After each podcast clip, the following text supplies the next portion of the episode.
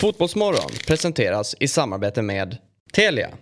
Samla sporten med alla matcher från Uefa Champions League, Allsvenskan, Superettan och SHL i ett paket. ATG. Odds på Premier League, Allsvenskan och all världens fotboll.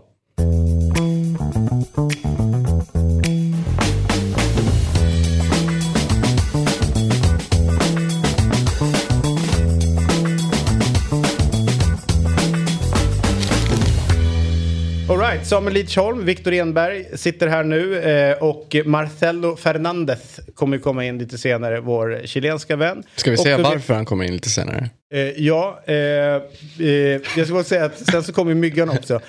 Det är så att Marcelo fyller år idag. Mm. Eh, ingen vet riktigt hur gammal han är, men eh, han fyller år. Och då han, sa han så här att vad kul med att jobba, men så här är det. Jag vill att mina, min familj ska fira mig först. Eh, och jag tror ju, precis som du Samuel, och kanske Viktor, att det är inte familjen som insisterar på att det ska fi- firas nu på morgonen, utan att det är Marcello. Han har ju väldigt mycket en aura över att vilja bli firad. Mm, verkligen. Han skriver långa önskelistor på papper och Ja. ger han till familjen så här, några dagar, eller några veckor innan såklart. Och han är väldigt noga med vad han äter på kvällen också. Ja. Nu är han inne i och för sig i någon form av eh, Rivstarts. rivstartsperiod. Eh, snacka om att han har rivstartat. Han, han försvinner ju. Men så att, det blir intressant att se, liksom, äta en tårta på morgonen Mm. eller ikväll. Kommer han äta, eh, vet hela den där kostgrejen? Fyller han inte jämt? Jag har ingen aning. Alltså, han, för mig, för mig han är. Marcello en människa vars ålder jag har noll koll på. Ja. Det är likadant Erik Ten Hag. Om man bara tittar på honom. Ja. Också så här uh, svårdefinierad ål- ålder. Nu ska vi inte gå in på Erik Ten Hag för mycket, men jag stör mig lite på Erik Ten Hag. Kolla Ja. på dig för du är United-fan. Inte, inte av, jag, jag, tvärtom när han var i Ajax, men jag tycker hans eh, aura blir lite så här, han blir så att de ska vara stora, så här, brr, ska ha en så brålig röst. Det så, Men jag tror att han han- känns oseriös. Ja, men, i, Men låter inte alla holländare sådär när de pratar engelska? Jo, och det kan jag också bli irriterad på, hur dålig är människan på engelska Ja, det- för att vara holländare? Alltså det är ändå ett uh, Där, där tycker jag du har helt... f- För ni vet ju hur det var. att De gick ju till semifinaler i Champions League med de Ligt och, och de Jong och alla de där. Och då var ju han hetaste tränaren i världen. Mm. Ä- ä- ja, ni fattar. Han, När Lucas Moura gjorde hattrick och skickade ut dem på övertid. Ja, Ja, mm. han, eh, där skulle ju han tagit nästa steg. Det var jättemånga klubbar som ville ta honom där och då. Men hans engelska satte... Alltså han, han själv kände sig att det här går inte. Jag kan inte ta ett annat jobb i ett annat land med sån här dålig engelska. Så att han har ändå pluggat extra engelska innan han nu är i United. Plus att det är så konstigt, han har ändå varit i landet nu sen, om man tänker sen juli där. Ja, Augusti, ja, ja, september, lite grann innan. Alltså heltid, varje dag och bli exponerad. Jag känner ju inte att språket har utvecklats under den här tiden. Men jag tycker å andra sidan inte är så, den är inte så dålig ändå engelska. Nej, men det alltså man har ju hört väl- det absolut sämre tränare i Premier Jo, men League. jag menar Men så här, jag att tror det handlar väl så om här nyanser. i- uppenbarelsen, uttalet i hans... Det är så här, för mig, jag vet inte om han förstår allt han varken säger eller, eller, vad- får frågor om. Exakt. Alltså, jag vet inte om, om det... Eller om han förstår men inte kan uttrycka sig så att han förstår. Alltså jag vet inte riktigt. eh, Ja, det, det är någonting som skaver där i att eh, Mm. Hur gick han i skolan eller vad? Alltså, jag vet inte. Jag tänker att han, han borde vara bättre sett i den nationalitet och yrke han har. Men, men tänk bara på typ hur Louis van Gaal lät. Alltså, Han, jag tycker Jo, han, han, han, lät, självsäker. ja, men han lät... kon- det- Jag håller med, hans liksom... Den liksom dialekten, eller Mm. den liksom hur han uttalar orden, är stökigt.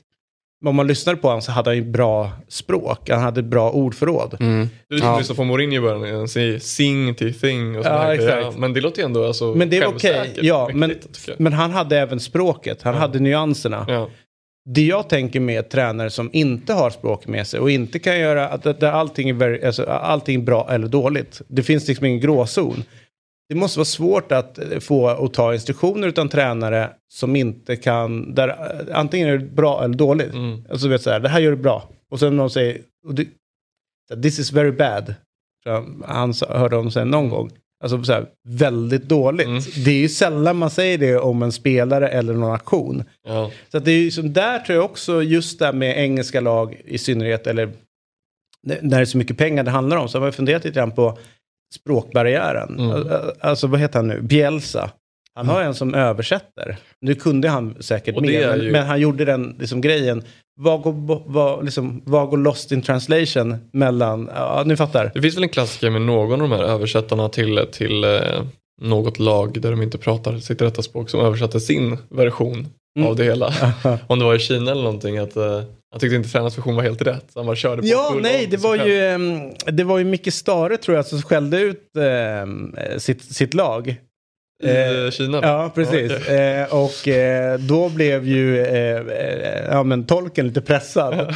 och frågar tror jag mitt i alltihopa, ska jag verkligen säga det här? Och Micke bara, du ska säga det här, men är du säker på det? Ja, jag är säker på det. Det blir en sån diskussion mellan dem. Och han, Micke bara, men säg det då för fan. Han bara, men eh, så det är ju... Det är jävligt roligt. Viktigt jobb, tolk. Vad sa du? Viktigt jobb. Ja, och framförallt när en tolk börjar liksom bli någon form av åsiktsfilter däremellan. Då Mm. blir det jävligt stökigt. På tal om Micke Stare, jag lyssnade lite på, han var med i Lunds podd. Och idag när jag gick hit så satte jag igång den lite och lyssnade. Och då har ni alltid en fråga i sin frågelåda. Vill du, vad vill du ändra för regel inom fotbollen? Då sa han att man, får, man ska få kasta inkast hur man vill. Ja. Det tyckte jag var jävligt intressant. Den där har jag tänkt på mycket. Ja. Eh, eh, hur fjantigt som helst med att... b- Tänk där- vad snyggt du vet när bollkallen och så tar liksom spelaren den bara bakom ryggen liksom och skickar den i fart. Ja, alltså, det, ska- ja, men det, Det det, blir NBA. ja, ja, men det, det finns ju någonting konstigt i att regeln runt att kasta inkast är så... Alltså, nu, nu fingrar de på rätt mycket offside-regler eller man ska få göra ta med fan vad som helst. Men en, en grej som de verkar helt helig, det är du ska st- stå på ett visst sätt och kasta in bollen. Mm. Ehm, där skulle det vara, men kasta med en hand eller... Ja, De har ju tagit bort, känns som de har gått från helt att man inte får liksom, förut var det ju två fötter i backen och allt möjligt, annars var det ju blåst Ja, av. men, det, känns som att det är men det beror på nitiska domar också. Ja. Jag, tror, jag såg i derbyt var det Mange Eriksson som tog ett inkast som det, det är långt ifrån Det godkänt. var Om man något det. inkast igår också, om det var i bayern barca matchen var det något inkast som var riktigt, kändes riktigt suspekt Alltså som också. var liksom fötter upp. eller? Nej, Nej, men alltså själva kastet, du vet, när, de ska, ka- ofta när man ska kasta den kort så blir det att man bara Ja. Ja, ja. Släpper den. ner Ja. den, så.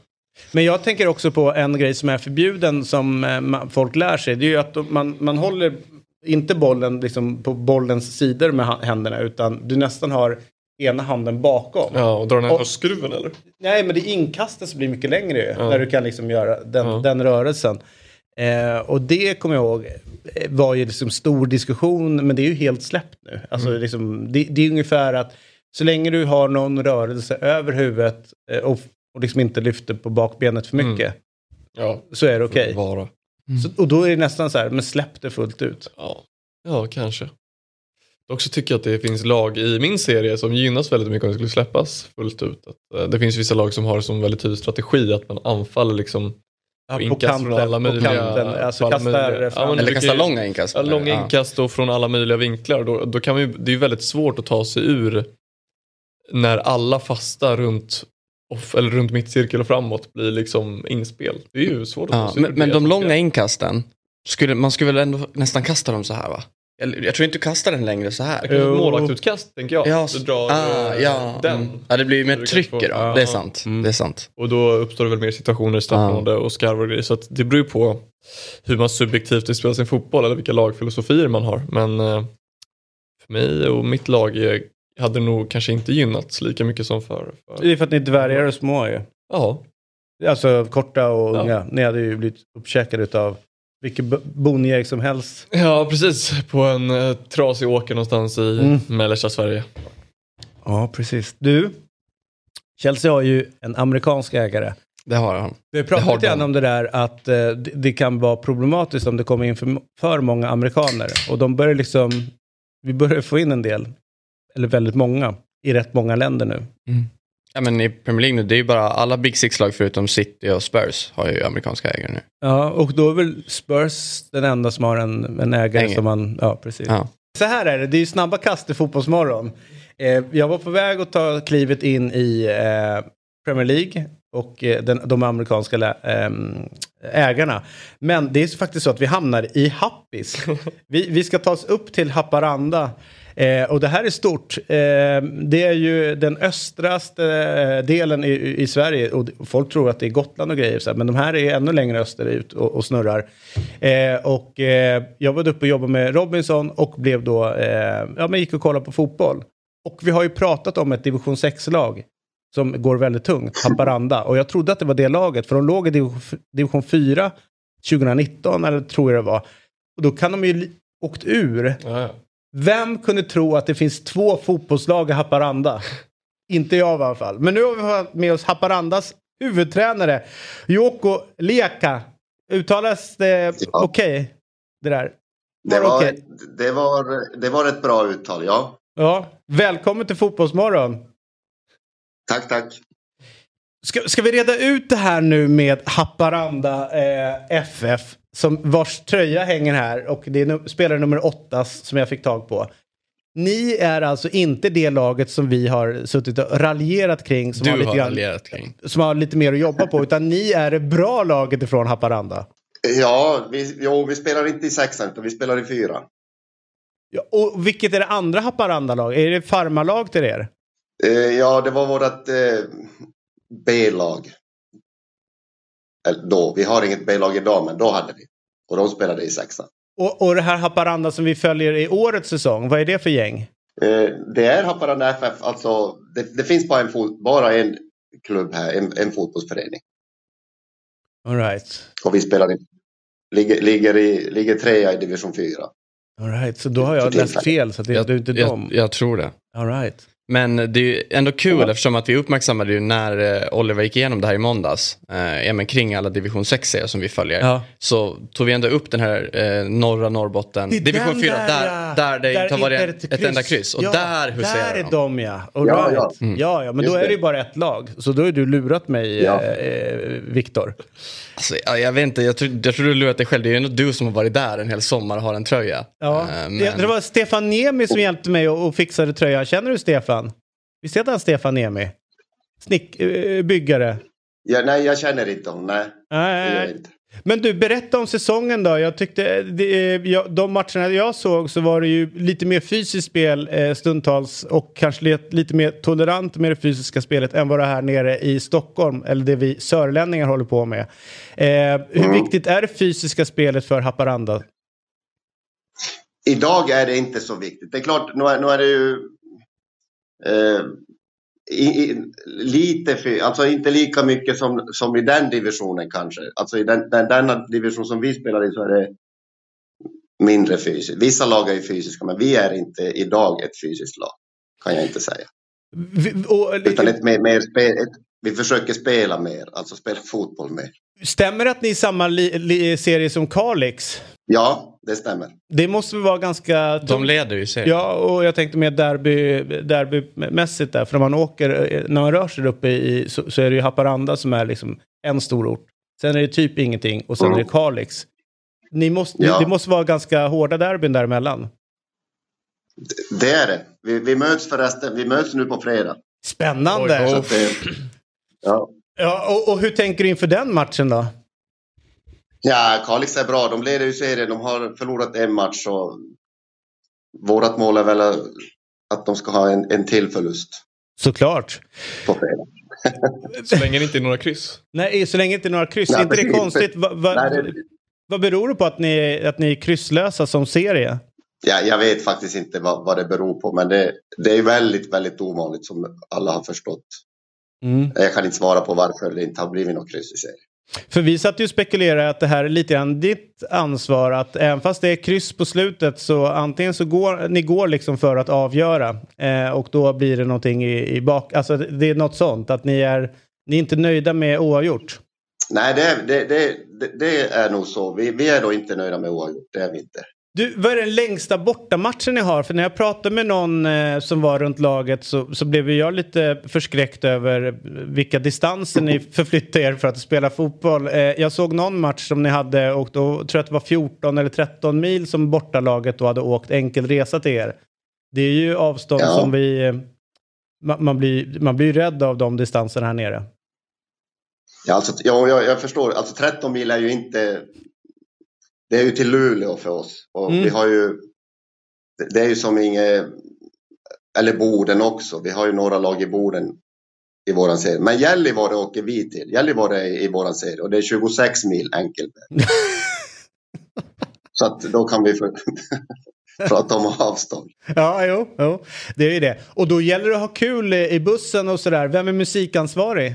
Är det du som chefar eller? Nej, nej, nej, nej, nej, absolut inte. Det är, eh, eh, vi har några, de är tre stycken som är, har ansvaret över den Mm. i laget. Hur, hur många år har du varit tränare för Haparanda nu? Eh, nå, jag har varit, eh, nu har jag varit tre år. Jag, jag har varit, men eh, jag var borta sju, åtta år i andra klubbar här runt omkring. Mm. Men jag har varit tidigare, då var jag, alltså totalt kanske jag har varit 20 år om vi säger så. I Haparanda? Ja, Det är ju hatten av på den. Det är ju en, en eldsjäl. Mm, verkligen. All right, men vad Ja. härligt. Eh, kanske att vi på, på måndag kan höra av oss och, och se hur det gick i, i derbyt mellan eh, Kalix och Haparanda. Som ni förstår så håller jag på Haparanda. Och jag på Kalix. Ja, det är ju skandal. Alltså, ja, skan- Kalix gillar man inte om man är från Haparanda. Är ni aktiva på några sociala Nej. medier så det dyker upp lite bilder, någonting som man kan få se vall och lite sådär, alltså kring matchen om det ändå är lite eh, uppsnackat derby på något sätt? jo, det, alltså vi, jo vi är ju ganska aktiva på Insta och Facebook och, och sådär. Då Ja, tar, men då- då tar vi och följer det och sen så kanske vi kan höras på måndag. Ja, absolut. Och Absolut, träna nu eh, väl. Jag lovar er, jag kommer dra igång ett jävla drev om ni torskar mot Kalix. Det gör vi inte. I Haparanda så förlorar vi inte mot Kalix. Så enkelt är det. Nej. Nej, det gör vi inte. Nej, nu spelar vi för stolthet och, och, och, eh, och klubbmärke och sådana saker. God morgon på dig eh, Jocko och eh, vi hörs på måndag. Mäktigt ändå ha 26 mil enkel resa till en bortafight, eller hur? Ja, verkligen. Det finns en jäkla vinnarmentalitet i den där serien som inte finns i andra serier i Sverige. Exakt. Det är, det, är det mäktigaste. Ja. Eller en stark förlorarmentalitet. Ja. Men vilken Eh. är den serie som har mest och längst resa? Är inte typ Div 1 norra? Alltså, Du vet några... för jag menar, du kan ju spela i Stockholm, du kan spela i... Alltså, Jo, Om den är stökig. Du menar att det inte Ja. är liksom allsvenska superettan? ja. Ja. ja, och du vet några Ja, jo, är- såklart. Allsvenska matcher kan ju vara extremt långa. Men eh, Ja, nej, jag tror att du vet några är... eh, är jobbig beroende på vilka Norrlandslag som kommer upp. Men eh, det finns ju vissa... Men ettan, superettan ju längre, har ju längre resor än, än allsvenskan. Tänker du Östersund då eller? Östersund i norr till... eh, Ja, Trelleborg ja söder, exakt. typ. Och jag tror Eller- Sundsvall är det högst upp de kommer i, i allsvenskan. Ja. Ner till Malmö. ja. Mm. Och sen är väl Trelleborg aningens lite söderut. Eh, och eh, ja. Östersund är aningens norrut. Precis.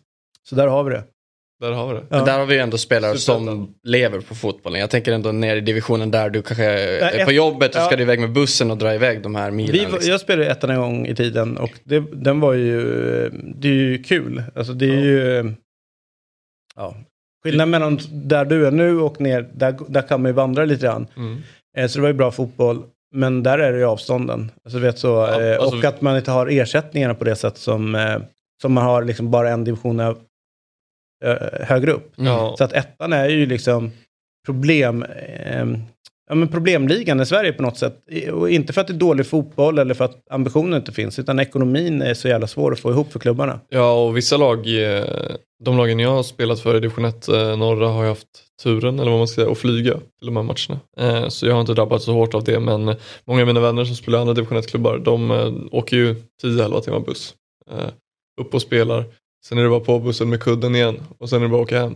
Och det, det är inte kul. Nej. Så ändå 26 mil tänker jag till Gällivare. Det är en sån match. Det skulle vara rätt kul om eh, vi skickar upp Viktor så får han sitta med på Haparandas bortamatch till eh, Gällivare, göra reportaget, sen åka tillbaka I igen. bussen. I bussen. Det är ett mardrömsgig. det är ett mardrömsgig. han är ju i sig från Åland. Det är kanske är drömgig. Ja. Eh, det är liksom, de, ni, ni möts nästan höll på att säga ute i Öster, Östersjön där, eh, ni och, och Haparanda, men så illa är det väl inte. All right, vi höll ju på att börja prata om eh, Chelsea eh, och den amerikanska ägaren, amerikanska ägare Todd Bowley. Eh, som då eh, smyger in lite amerikanska grejer. Han vill nu se en all, Smyger in. All-star match i Premier League. Eh, norr mot söder. Eh, och eh, han säger då att eh, Major League, League Baseball did their All-star game this year. They made 200 million dollars. Och då blir man så här, ja, alltså i teorin och alltihopa i någon låtsasvärld så är det rätt fantastiskt. Men han verkar inte ha förstått någonting om, om eh, den europeiska fotbollskulturen. Nej, Det skrämmer mig. Det skrämmer mig också när jag fick eh, av Viktor blev upplyst av de här olika uttalandena han har sysslat med senaste veckan eller veckorna eller vad det Ja, han var ju är. med i någon, alltså jag vet inte om det är något stort event som rullar som heter typ Salt. Ja, det är- Eh, och ja, så här där är- föreläsar Eh, exakt, ja. event. Och där var han i alla fall gäst, jag tror det var igår. Okej, Eh. nej men eh, och, eh, jag tycker att det är flera saker som skrämmer men det ekonomiska här, de, de gjorde ja, men, i runda slänga 2 miljarder svenska kronor.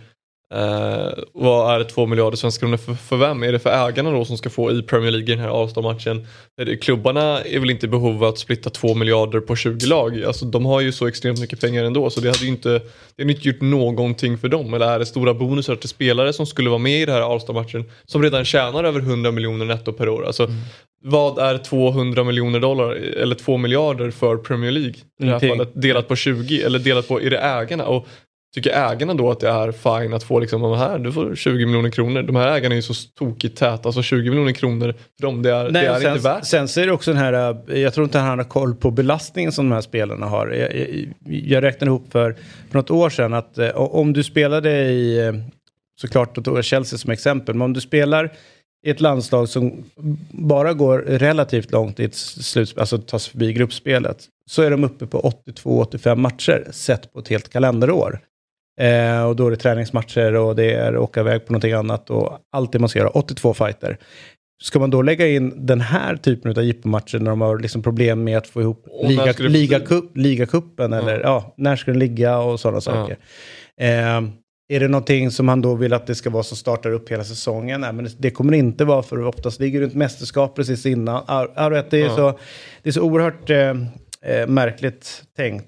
Och sen så pratar han ju om att create superstars. Eh, ehm, Alltså när han och, eh, pratar om spelarna bara om alltså, superstars. Det, Han vill liksom Ja, bygga det- LeBron James och sådana här liksom stjärn... eh, Ja. Men, men eh, det, det jag tycker är ändå ett uttalande som, var, som du skickade också som var ännu mer anmärkningsvärt var väl att han vill äga fler klubbar i Premier League och bygga någon slags, här, vad sa han, multi... Ja, men det, det, är så här, det är inte just i, i, i Premier League som han vill äga fler klubbar. vill utan göra han vill göra ungefär som City Group ja, och- City Group. Ja, okej. Alltså skapa liksom ett, ett gäng. Konsortium. Ja. mm. Jag har problem med det. Jag har problem med att eh, ägaren till den klubben jag håller på uttalar sig på det här sättet. Jag har problem med att City håller på med den här övningen. Och jag har problem med att det tillåts att en ägare har flera klubbar. Eh, AIK sålde nyligen en spelare, trippel A, till Troyes.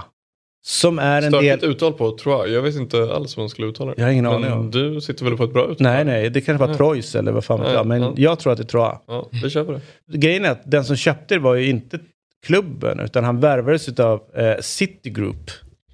Och då börjar det uppstå problem. Eh, om, han då, om de börjar flytta den här spelaren mellan olika klubbar inom City Group, är det då en vidareförsäljning? Ja, men det är Eller väl lite inte. som Ja, jag vet så här, Gino det- Pozzo. eh, Ja, men problemet och blir ju det när klubbar skriver in vidareförsäljningsklausuler. Ja. Det innebär ju att i teorin, om, nu vet jag inte exakt hur det funkar, men då skulle man kunna flytta den här spelaren ifrån den här klubben upp till Manchester City. Och sen till Melbourne City. Eller bara upp York dit City. och, se vad, och få den väldigt billigt. Det är ju det det handlar om. Att de betalar inte liksom värdet när de börjar snurra runt där i. Alltså det, och sen så är det så här, när de ska mötas. Eh, jag menar, eh, helt plötsligt börjar de ju i Udinese under en period tömdes på bra spelare för de skulle till Watford för där fanns det mer pengar och, och liksom för liksom den här gruppen. Så att, ni hör ju själva, det Ja. börjar bli liksom en galen värld. Eh, men, om, men om det skulle bli eh, Todds då, det här North versus South, Premier League All-Star. Vilka, alltså så här, om man bara tänker klubbmässigt, vilka skulle stå sig högst? Men vart, vart drar man gränsen i London? Ja, liksom? men Alltså, drar man den i Birmingham typ kanske, eller? Alltså norr och söder. Ja. Alltså allting söder om Birmingham är ju södra, eller på att säga. Ah. Måste det ju vara. Eh, men eh, det är ju sjukt mycket klubbar uppe runt eh, nordöstra och nordvästra där. Det är ju, alltså Leeds, United, City, Newcastle, allting är ju där uppe. Ja, då hade det varit en eh, kombination Ja, Liverpool, av Everton. av United City och, och Liverpool eller? Alltså, Newcastle antar jag. Jag är ju tillräckligt... Wolverhampton är Ja, också där. där. uppe. Det är, det är Midlands. Jo men det finns väl ingen i Wolverhampton? Nej jag vet. Ja, Diego Costa. Ja, vi får, ja, det är ju, jag vet att du är väldigt svag för honom men jag är faktiskt också Eh, väldigt svag för Diego Costa. Jag älsk- gillar Diego Costa. honom. Ja. verkligen. Men, men man vet ju inte, jag har ju bara sett honom på Instagram köra sin liksom fotvolley. Och, och slå Är- sina motståndare det med en där- träslev. Ja, är inte det här världens bästa Instagramkonto? Ja, det, det är helt otroligt. Om nu Marcello är ett litet barn som älskar att fylla år eh, så är ju Diego Costa ett litet barn alltid. Alltså det finns inte en enda lek som man säger så här, det här gör man. Alltså så här, den här leken, eh, alltså, han gör ju alla Det lekar som sjuåringar gör. Och det alltså, finns bara har med inte- straff. Det är alltid Ja. den här träsleven som kommer och ska slå i nacken Ja. typ en träslev. Eller den här där, Ja, på öronsnibben. Eller, det, ja, det är alltid lek, det är alltid bestraffningar en del av leken. Det känns som han har ett väldigt bra liv, Costa. Han har roligt i livet. Ja, han har ju det. Plus att han kommer ju ifrån eh, en delstat eh, som är precis norr om Bahia. Eh, och, och när han visar upp på Insta när han är hemma bland sina mates. Alltså deras sätt att umgås är ju, de drar ut in the middle of nowhere och är där ute. Och sen är det ju bara lek och bestraffning. Ja, ja. Det är det enda de håller på med. Jag- fascineras av att det är så många, han har väl förmodligen väldigt god ekonomi Diego Costa med tanke ja, på de klubbarna ja. han har spelat i. Jag är fascinerad av att de, eh, vilket är fint och humant på något sätt, men de sitter liksom på en, på en restaurang, det är inte en restaurang, det är ett hak, Ja. med typ knappt ett bord, ett plastbord med en stol och de andra stolarna är trasiga och bara sitter de där allihopa och åker de typ så här fyrhjulingsmonstertruck Exakt. dit som ingen fattar något. Ja, det är, han lever ett speciellt liv Diego Costa och det är väl kul. Mm, och eh, på något sätt en av sådana här profiler som är lite kul att och, eh, ha en liga. Han berör ju. Ja, I och med att antingen så är, eller vi är väldigt få i lag Holmfjäll Mm. som gillar honom. Mm. Jag skulle säga att typ 99,9% av alla tycker illa om honom, om honom. Men det är ju kul, alltså då berör, alltså jag kommer ihåg innan jag började gilla honom. Störde mig som fan på honom, alltså i allt. Tills han kom till Chelsea. eller? Exakt. jag gillade honom lite grann innan, men Men var det inte nu, alltså ja, nu blev det ju Wolves, men det var, var det Rayo han var på väg till? Ja, Ja, men där, och om där eh, gick ju mm, tränaren ut och sa jag avgår om han eh, kommer till Rayo Vallecano. Eh, därför att det var sportchefen som ville ha in Diego Costa. Eh, och han var så nej, nej, nej. Han, Det låter precis som om vi ska gå tillbaka till Bowley och Tuchel då. Ja, Kring exakt. Och... ja, men Och- lite grann så. Sportchefen som då ni pratade om, det är han som blev skallad. Ja. han skulle Ja. Tomás. Raúl de Tomás, Exakt. Ja. Jag tänkte, det var det jag Eh, tänkte komma till. Var det hans, den övergången som stoppade eller var det just som David säger? Jag har faktiskt dålig koll men det, det som hade varit spännande att se är ju Falcao och Diego Costa i ett tvåmannaanfall i Rayo Vallecano. Mm, för det var Det det, som, det var det alla drömde om. Ja. Men tränaren vägrade ha det. Och jag är ganska nöjd med att det blev eh, Wolverhampton för då kom... Då kan du kolla med på det. Ja, precis. För jag tittar mer på Se höstens bästa matcher med Telia Sportpaket. Du får allt från Champions League, Allsvenskan, Superettan och SHL på ett och samma ställe. Telia Sportpaket ger dig all sport från Telia och Simor, inklusive allsvenskan och superettan från Discovery+. Förutom alla sporter, turneringar, ligor och matcher ser du också alla filmer och serier. Du kan även lägga till HBO Max utan extra kostnad. Och det bästa av allt, det kostar just nu bara 499 kronor per månad. Och du kan givetvis streama innehållet i apparna eller kolla på det genom Telias Superbox med 4K, Wi-Fi, Google Android TV. Så, höstens bästa matcher, bara 499 kronor i månaden. Älskar du sport? Skaffa sportpaketet på telia.se sport. Där ser du Champions League, Allsvenskan, Superettan och SHL på ett ställe. Tack till Telia som är med och sponsrar Fotbollsmorgon. Igår kväll som var rätt eh, intressant sak. Det hände i Superettan. Tess Olofsson, eh, huvuddomare. Ida Källström, assisterande. Och Almira Spajic, assisterande. Så hela domarteamet, nu vet jag inte hur det var med fjärdedomaren, men jag har svårt att tro att det var... En... Det var väl bara de tre som kollades ut på bild i alla Ja. fall.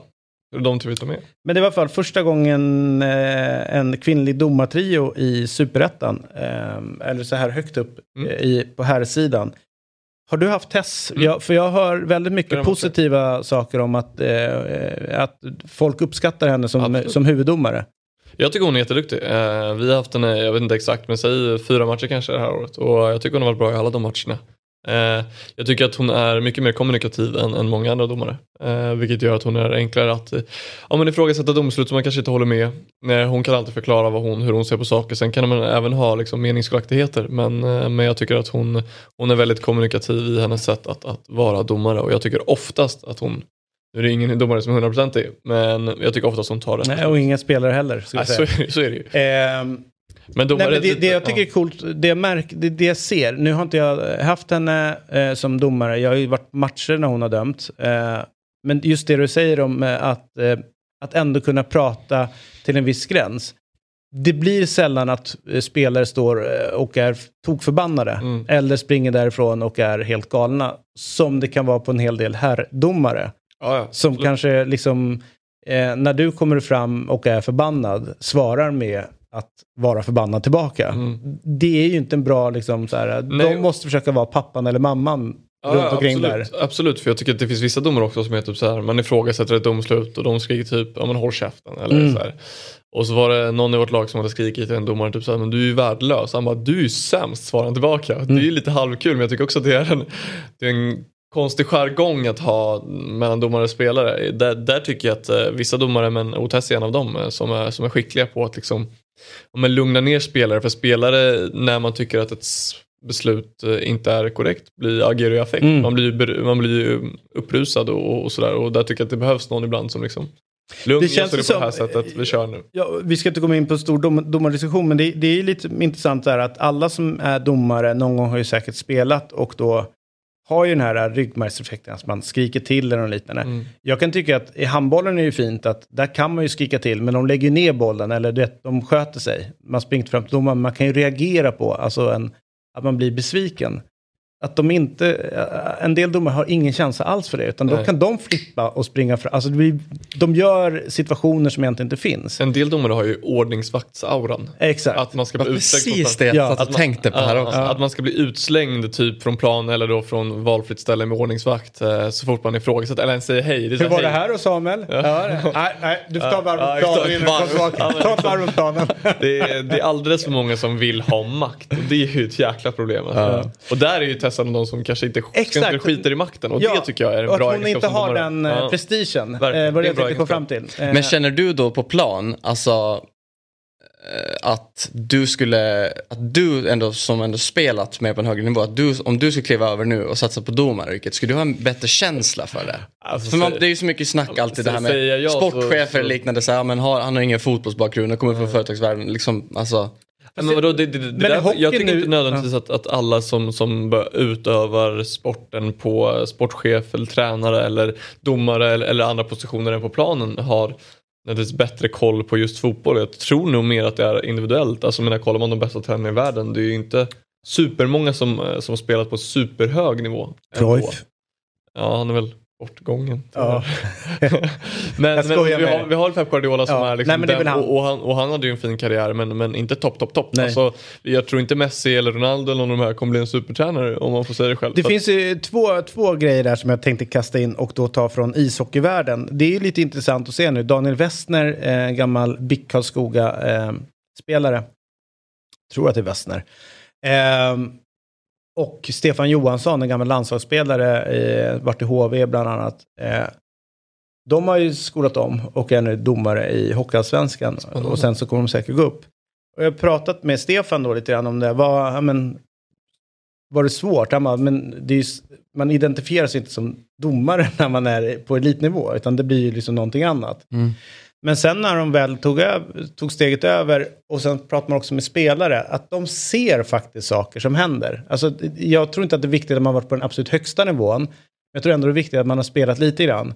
För att eh, då kan det vara liksom så här, du eh, sluta upp med den grejen och det är något fult, är du vet sådär. Och då, då får de respekt med sig redan där. Mm.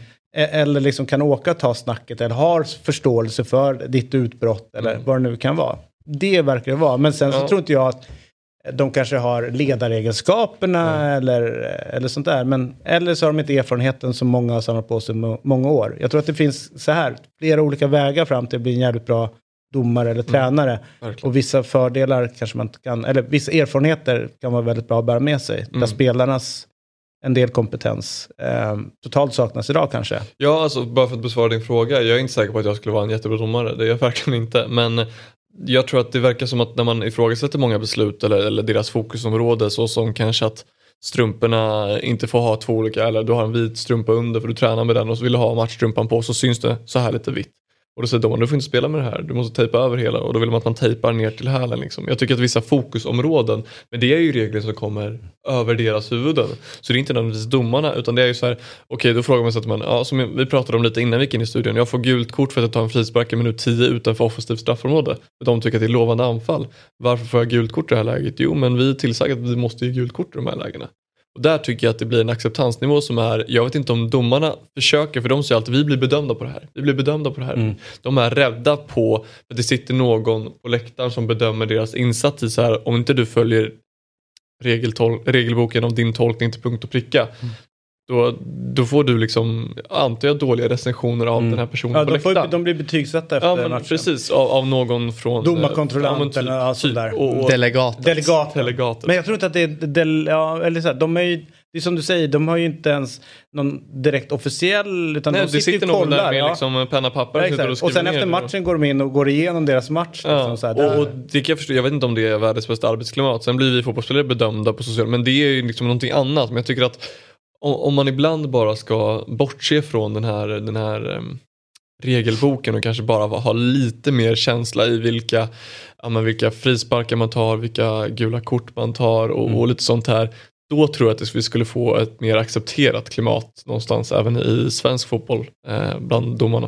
Eh, det är kul att Tess är på väg framåt därför att vi har ju problem just nu med, eh, med eh, svenska domare. Jag tycker ju att det ibland är plågsamt jobbigt att sitta och kolla på allsvenskan. Och det finns inte ett, en enda vargrej som kan, kan rädda en del av domarna, utan det är ju kanske att generationsväxlingen inte var helt perfekt utav de som var domarchefer eh, för något år sedan. Eh, Jonas Eriksson klev av hastigt och lustigt, vilket skapade ett, eh, ett gap. Stefan Johannesson slutade i samma veva och så vidare, så de, de är erfarna där. Eh, nu är väl, eh, visst är det Andreas Ekberg som anses vara vår ett nu, alltså hela det teamet eh, runt. Eh, sen tycker jag en som verkar liksom ändå jobba sig tillbaka in i som hade, hade positivt rykte och sen så gick ner. Al-Hakim du på? Ja, Mohamed Al-Hakim tycker jag ändå jag faktiskt gör bättre bra. och bättre matcher alltså... nu. Och sen, sen det är liksom mindre fokus på honom som person utan han bara dömer. Så känns det som att han har börjat hitta tillbaka till eh, på rätt spår. Han är en sån som, när jag har haft han, jag vet inte hur många matcher jag har haft han, men jag har haft honom som spelare, han väldigt lugn och väldigt skön och, och liksom, som, som Tess, den, samma egenskap som Tess har, att liksom de är skön, alltså lugna att prata med. Sen förstår jag att det tar beslut som, som ibland kanske inte är, men du sa det innan, inte spelare eller människor som är 100% ändå. Jag förstår att vissa har tyvärr förödande konsekvenser i att det mm. kanske blir ett mål i ett derby och det blir väldigt stort liksom. Och det är ju tyvärr deras jobb lite att mm. ibland blir det fel i stora matcher. Men å eh. andra sidan derbymatchen Djurgården-Hammarby avvinkade målet för offside. Eh, som Bayern gör. Och den är väldigt tät. Alltså, den är den tät är ju... och den är korrekt. Ja, verkligen. Det är det som och är så, coolt. Bra. Eh, och sen så är det så roligt för när domarna... Sen är det dagen efter uh, Norrköpings avvinkning i Malmö. Liksom. Ja. Som är sån onside när de kommer två mot en. Ja, men så här, jag kan köpa den, det mm. misstaget. Därför att visst, det, det, alltså, den löpningen som forwarden gör är magisk. Och sen när det blir att en backlinje försöker lyfta och någon springer ner så, så blir det går så jävla fort. Men jag köper hellre att det blir fel och vi bara har en domare än när det var som i Juventus-matchen där det, där, där det varas och blir fel. Alltså, ja.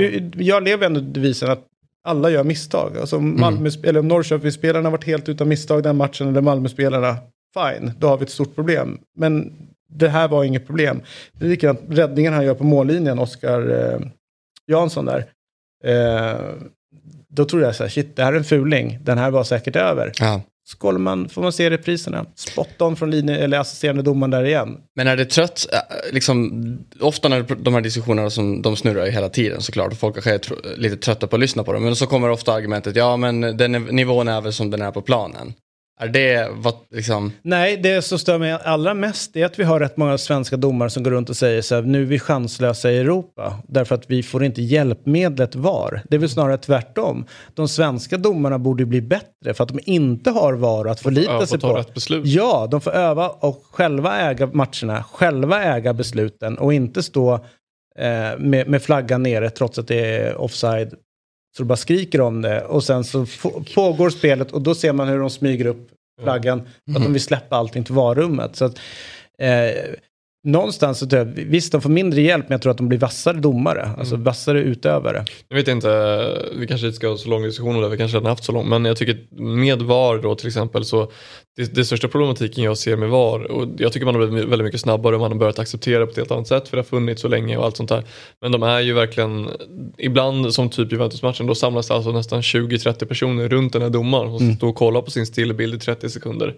Alltså det är ju ett hemskt klimat att då känna att så här, okej nu har jag 30 huvuden som kommer döda mig om jag tar fel beslut här. Och som man kommer skrika och alltså, Jag kan tycka att där får man någonstans sätta upp tydligare om man ska ha en skärm så nära planen att det får inte vara någon jäkel här i närheten. Alltså, här måste den här domaren kunna få ta beslutet i lugn och ro. Det är att han, eh, italienska förbundets ordförande, gick ut och, och liksom eh, konstaterade att det här är inte alls ett VAR-problem. VAR har fungerat perfekt. Eh, så, men, men det var ju inte perfekt. Nej, men vi hade inte tillgång till de bilderna. Nej. Och det är ju... Och då är det ju Ja, ännu värre. Ja. Alltså, det, vad ska man gå in och granska? Ja, vi såg inte hela spelplanen, men det lilla vi såg så är du men det är offside. samma sak som att man inte har eh, alltså, långsidelinjerna. Ja, Gånger när det skickas en långboll som har liksom Varit curlat. ute, ja. alltså, Då är det Och de kan inte kolla upp det. nej. Nej. Nej, men, Nej, det- men och det har man alltid, och då säger jag så här, då är det bättre att ta bort med skiten. Mm. Ska vi släppa det nu? Ja. Eh, det spelades fotboll igår eh, och eh, det var ju i Champions League och jag tänkte så här, vem kan vi ringa till? För det var ett lag tycker jag ändå som imponerade mer än alla andra. Det är ju Bayern München.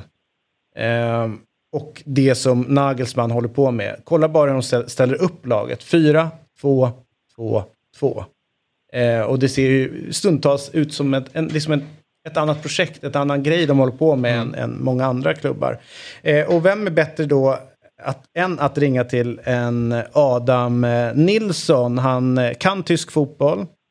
Det är typ det enda han kan. För det är det som står där. Ja. Eh, Adam, välkommen till eh, Fotbollsmorgon. Eh, wie geht's dir? Sehr gut, sehr gut. Ska vi gå in på, ehm, på Bayern München och eh, det som de, eh, de håller på med? Vad vill du veta? Jag har en fråga faktiskt Adam. Eh, jag, när jag kollade på matchen igår så var det väldigt uppenbart för mig hur Bayern München har byggt sin trupp. Att de bygger på extremt mycket fysiska attribut. Det handlar bara inte om att de är väldigt snabba men väldigt atletiska. De är atletiska i form av styrka, snabbhet och sen då har de ju passningsskicklighet. Det är, det är knappt en spelare på bänken och i startelvan i det där laget som inte är otroliga atleter om man då jämför lite med den sport- BP.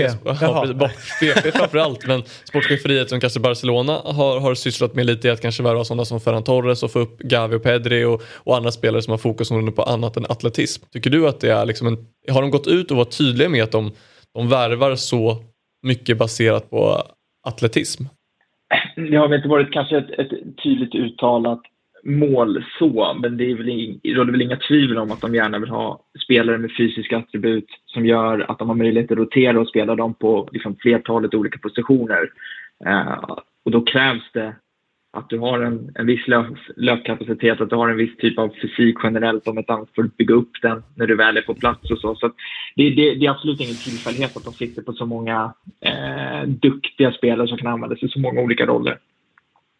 Ja, nej, för jag, jag tyckte att det var e- extremt påtagligt då under matchen eh, att, eh, att ja, men om man jämför med andra storklubbar också, att det, det, det är väldigt få som besitter den fysiska både styrka och snabbhet som, som Bayern München har. Och speciellt när de byter in Gravenberch och eh, den här nya Tell som också är eh, superspännande båda två men, men är, går exakt i linje känner jag med, med det Bayern München utåt sett i alla fall, vad jag som inte följer Bayern München varje vecka försöker göra.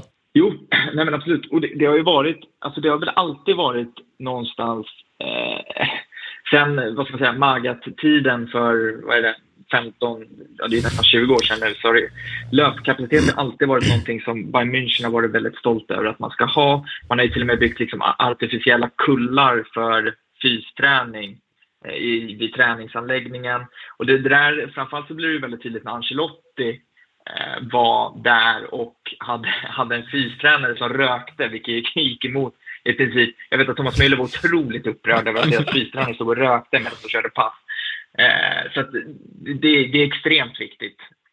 Men, men å andra sidan delen. Adam, jag kan, jag kan fatta grejen att om du kör ett tungt fyspass eh, och du har blodsmak i munnen så står någon italienare 10 meter längre bort och suger på en cigg. Jag skulle också bli lite provocerad. ja, ja, nej men absolut.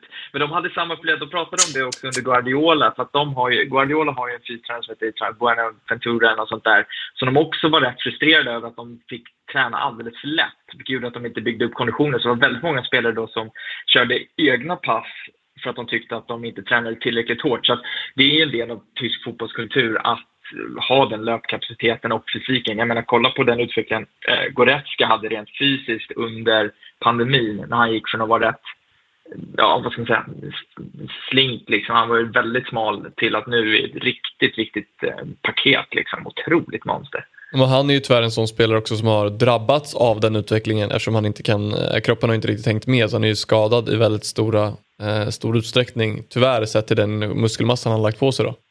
Men, men det finns ju andra med, med mer naturlig atletism som, som de värvat in som Alfonso Davis till exempel som verkar vara och, och Upamecano och, och, och, och jag tycker ändå Lucas Hernandez exakt samma sak att de har en mer naturlig atletism med att de är både starka, snabba men extremt passningsskickliga och det är eh, ja, det blir väldigt svårt att möta sådana spelare. Jag tyckte, inte, jag tyckte speciellt Rafinha hade extrema problem med att möta Alfonso Davis. Eh, han kom inte förbi en enda gång och, och eh, Ehm, det har mycket att göra med tycker jag att eh, Alfonso Davis var så mycket fysiskt överlägsen än, Rafinha.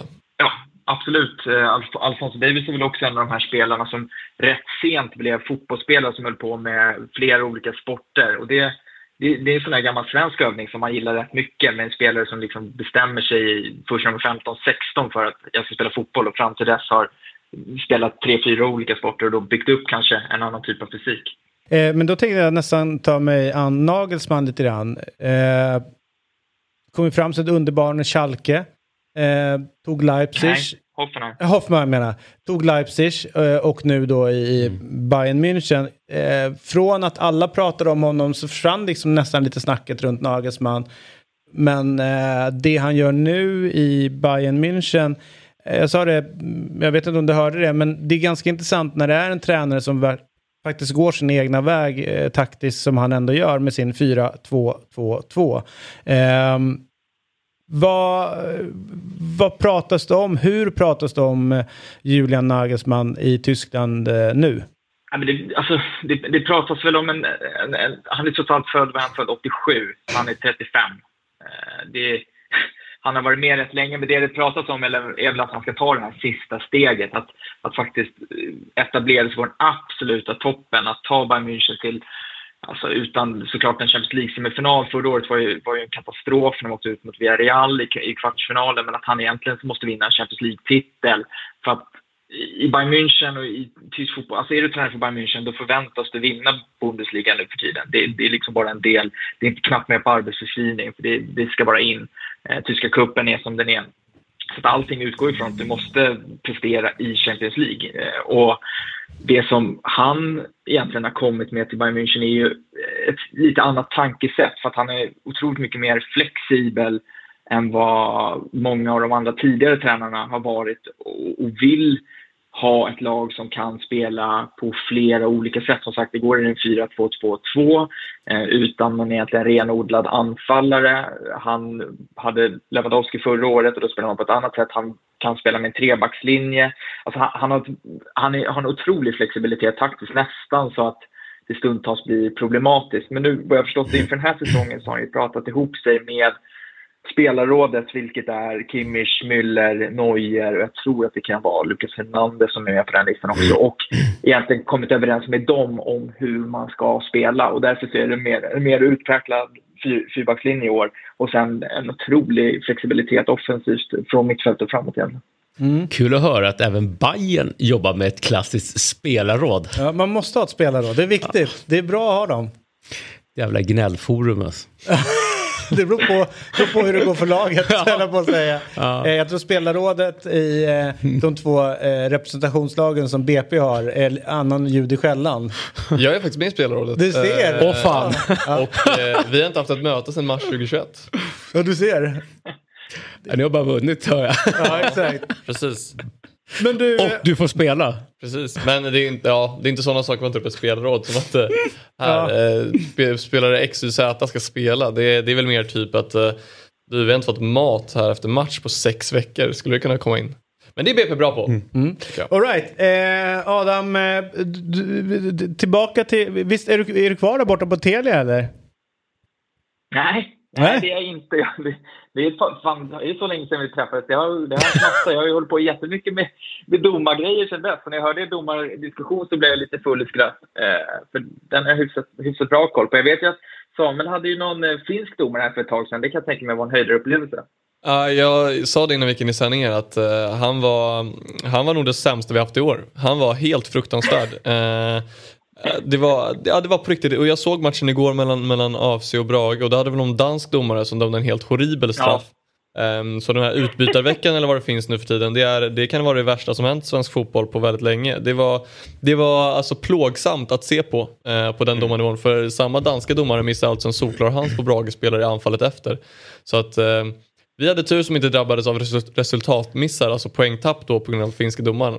För han var väldigt dålig. Men, Man kan säga att men, de, de var väldigt finsk. Ja, men, men, men AFC förlorar ju poäng då för eh, att domaren missar solklar straff till dem och tar en straff som, inte, som är ett motlägg egentligen. Så att, eh, nej, det, det var smärtsamt. Mm. Så kan det vara. Eh, livet är inte lätt. Eh, Adam, vi har träffats, eh, det var ju bara någon vecka sedan. Eh, jag hade bara inte kollat på vad fan du gör på dagarna. Men kul ändå att du har någonting att göra med domarna. Det finns så mycket att slita med där. God morgon på dig så hörs vi. Kvällens höjdare eh, som presenteras i samarbete med Telia och eh, ATG. Eh, och eh, till kvällen så är det de här matcherna som vi har framför oss. Vi börjar 18.45 med AC Milan mot eh, Dinamo Zagreb. Sen så är det Shakhtar Donetsk. Jag tror att de inte spelar i, i Donetsk mot Celtic. Eh, Chelsea Salzburg, den matchen kommer jag kolla på. Eh, Köpenhamn mot Sevilla. Juventus Benfica, Maccabi Haifa med eh, Daniel Sundgren eh, tar sig an PSG. City mot Dortmund, det kan bli en rolig match. Rangers Napoli, de Också är råtaggade för den matchen. redan Och den bästa matchen till sist. Vad säger rätt? Och sen så har vi Real Madrid, eh, Rasenboll, Leipzig. Eh, och det är den matchen du kommer landa in på. Det stämmer. Eh, men ändå, jag tycker att eh, de här 18.45 matcherna som de bryter ut, Ja. de kan vara rätt mysiga, eller hur? Ja, visst. Alltså de ligger bra i ttiden. Det var lite tråkigt med eh, första halvleken igår. Men sen i andra var det kul med Sporting. Ja. Han stack iväg och sånt. Så, Ja, här. Sporting var super eh, kanonmatch som vi pratade att den var härlig. Ehm, det är ju ehm, Champions League och då vet ni att det är ju Telia som eh, rattar det. Eh, och då är det bara att kliva in på, på deras plattformar så ser ni det. Ehm, kvällens spelförslag då? Big Nine onsdag. Ja, Ja. det är det ju. Och eh, så här, ska vi få, eh, jag är ju gammal. Ja, Eh, och helt rätt. Mm. Mm. Men bra mycket yngre än vad um, mentalt än vad mitt, mitt Ja. ja du fattar. Ja, Eh, men Big Nine är ju så här, kan du bara repetera för mig? Jag, jag fattar ju att jag ska sätta 1 till 9 rätta resultat. Ja, precis. Ett kryss eller två. Men sen så är det en annan kolumn där det står ett Ö eller ÖU eller Ö med ett streck bakom eller ingenting liksom. Vad är, vad är det för något? Det är alltså över och under 2,5 mål i matchen. All, och det är alltid det man går Ja, efter, precis. 2,5 mål. Och det gör ju svårigheten ökar ju markant. Och man behöver inte alltid sätta, ehm, eller man måste alltid sätta över och under också. Precis så. Så det är ju 18, 18 rätt. Man ska 18 Ja, rätt. precis. Eh, men du, du, har- du får också ett wildcard som är ett rätt. Ja, så man, så, okej. Det är 16. man har inte det man kan få noll. Nej. Eller hur? tråkigt. Tråkigt som Ja, fan. exakt. ja. Men Kan, man, eh, få, man, kan man spela utan att köra wildcard? Jag tror inte det alltså. Jag tror det ingår i till och med billigaste systemet.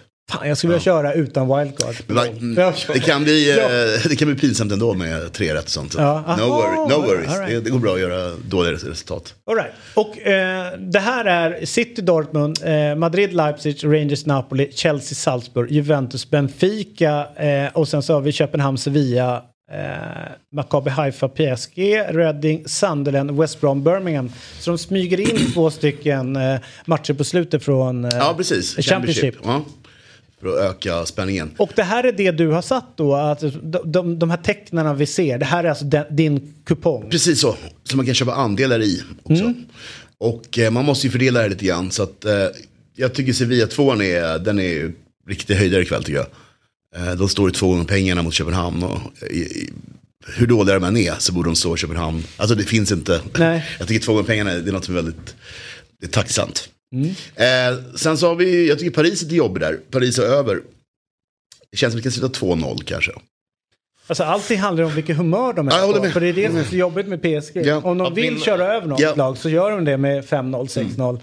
Och, men det hänger på att eh, Neymar tycker det är kul att spela fotboll den dagen. Och, men rätt så. Men de skulle ju kunna tänka sig, fan, och ska vi vara här borta i Haifa och lira den här trötta matchen? Eh, om vi bara fixar ett kryss. Ja, det, det är Så upp och ner. Liksom. Det, det, det är 7-0 mot Lille och sen är det 1-0 mot Nej, att exakt. Det är lite, men Trois, hörde du det? Det är ett bra uttal. Ja. Det är ett bra uttal. Visst är det dit AAA gick? Exakt. Ja, då Exakt. tar det rätt. City Group. Group, ja. eh, s- första matchen samma sak. Manchester City tror jag vinner stort. Men sen säkert in ett mål. Så 5-1 City. Eh, över. Sen är ju resten ganska helgarderat där i mitten. Ja, Drömmen är väl kanske att Rangers eller eh, någon sån där kniper mm, kryss och underspel eller någonting. Eh, längst ner, samma sak där, helt öppet. Chansning på överspel på åttan och sen match nummer nio. Lite på, på de gamla mm, West Bromarna. Hur, eh, så här, ehm, eh, det är ju, eh, du måste vara 18 år och över för att spela eh, och om du känner att du har problem så finns stödlinjen.se. Nej men vad härligt, kul att ha det här den här morgonen. Eh, och eh, personligen då, kvällens höjdare för mig är ju såklart Potter. Som kliver in och, och kör Chelsea. Eh, och eh, det är hans första match i Champions League. Han har ju varit som längst i Europa League innan. Eh, och det är väl klart att eh, det här känns superspännande men så sjukt jäkla bräckligt, så sjukt jäkla nervöst. Eh, men man är också lite så spänd förväntan på, kan han liksom överföra allt det han gjort innan in hit? Det vore kul för hans skull, men ska säga en sak? För oss som klubb vore det för jävligt. För vi spelar inte sån typ av fotboll. alltså vi är så här, det är ett, Mourinho, när han var där. Är mallen. Ja men det är så som alltså, historiskt sett också klubben har spelat och det är alltid vanskligt. Wenger kommer till ett Arsenal och får dem att spela en helt annan fotboll. Vad hände med självbilden där? Det var kul att vinna men sen när det börjar gå dåligt så är det folk som de känner inte igen det. I ert lag så är det liksom, han spelar ju en fotboll som ni ändå, alltså inte nu när det går Nej, nej, men visst. han har ju spelat en fotboll som ni ändå kan känna igen Ja, ja, er i. verkligen. Real Madrid har ju alltid varit pragmatiska att vinna, det är det viktiga så. så att Mm. Lite grann så finns det um, frågetecken i korten runt eh, Potter, men Mm. jag är mest glad såklart. Men det blir ju mest kul, verkligen. Det är Det mest blir faktiskt otroligt spännande nu när du säger det. Jag tänkte inte ens på det. Det blir ju en second string Chelsea-Salzburg. Bara Ja. Potter. Exakt. Ska vi säga det också för de som sitter och lyssnar att Marcelo Fernandez är det som alltså kommit in i studion och vi har släppt eh, eh, Viktor Enberg vidare och vi säger grattis till dig idag. Tack. Mm. Hur känns det? Andra halvlek. Ja, eh, alltså är du... Du passerar 40 idag eller? Fyller 40 då. Du fyller 40 Mm. idag. Stort. Ja, det är Ja. stort. Ja, det är stort. Och du blev firad hemma också. På, nu på morgonen, precis. Vi har lite frågor till dig eh, som en parentes här i programmet. Eh, för att Samuel tror ju att du är en sån som älskar att fylla år. Stämmer det? Eh, nej men alltså, eh, både och. Eh, Ja, det var inte jag. Och eh, du vaknade tidigt i morse och var lite spänd på när du komma in, eller hur? Ja, lite så faktiskt. Men jag har oerhört svårt. Däremot så har jag oerhört svårt just med det här. Jag har inga problem att fylla år och så här. Och, och absolut det här lite spänt här innan. Vad fan kommer de in snart? Ja. Jag är fortfarande sju liksom. Men har oerhört svårt vet, när det är eh, när det blir större tillställning. Och var i centrum. Och vara i centrum och så ska man öppna presenterna. Ah, jag hatar det. Alltså. Jag Jag tycker, och jag har inga problem att, att stå i centrum annars och, och liksom prata fotboll och sånt där. Men det där gillar jag, gillar jag fan inte. Alltså. Så får man något som man inte vill ha. Ja, så blir det så oskönt. Alltså, ja, så är det, men man måste ändå vara tacksam Ja. för det som har ansträngt sig. Ja, så att det, är, det är en jäkla respektfullt. balansgång. Ja. Ja. visst, det, är, det är svåra grejer. Du, Karius, kommer du ihåg han? Ja, Gamla in i, gamla Liverpool-målvakten. Liverpool-målvakt. Som passar fram Benzema. Exakt. men landar han inte in i något lag nu? Jo, det är det som är grejen. Sen har Är han han varit i liksom... Fenerbahce eller något sånt där? Ja, han var ute i, nere Turkiet och i snurra Turkiet, och som en detta. Free transfer. Kommer Nu är han tillbaka till Newcastle. Newcastle. Jaha. Grejen är att han hade ju en höjd. Alltså så här, han var ju inte klappkass fram till misstaget. Har inte misstagen? Eller? Ja, ja, men alltså där. Alltså, han hade ju ändå någonting som gjorde att han blev värvad. ja. Eh, Vad var ni? Köln eller som i Tyskland? och sen så gör han de här misstagen. Det, det jag tänker på, det är ju potentiellt sett en... ehm, det skulle kunna vara en så här uh, jackpot-värvning. Ja. Om han skulle hitta tillbaka till höjden och kanske är att han har problem som ung som målvakt. Han behövde liksom Mm. landa ner i, i bli Men- liksom trygg. Bara så att det är så här, de, de värvar in honom på free transfer, det får man ju göra efter första september. Men släppte de sin målvakt till, till United som det var snack? Dubravka, Det- han var också free transfer va? Eller de bröt avtalet kanske? Bröt de avtalet? transfer till United. Ja, Okej, så att det är klart det också. Ja, precis. Men de har ju Ja. Ron Pope då, eller Nick Ja, Pope, han precis. Nick Pope är från eh, Burnley. där. som, som, som är första slip, så att Mm. han blir väl andra då, Karius. Ja, men jag menar liksom, Senny Pope har ju visat att han har varit en helt okej målvakt. Mm. Eh, har stått i landslaget eller varit och knackat på landslaget och sådana saker. Men det, det finns ju någonting i eh, ja, men, spelare som på något sätt haft en stor talang. Mm. Men sen har det gått åt skogen. skogen så Mm. talangen någonstans finns ju kvar. Det, Mm. det, är ibland så ser man ju spelare som kanske har, det gäller kanske yngre, men folk som slår igenom så Mm. kan det ha varit att de var jättebra, sen försvann de bort. Så Mm. blev det alltså att det blev ingenting av den spelaren.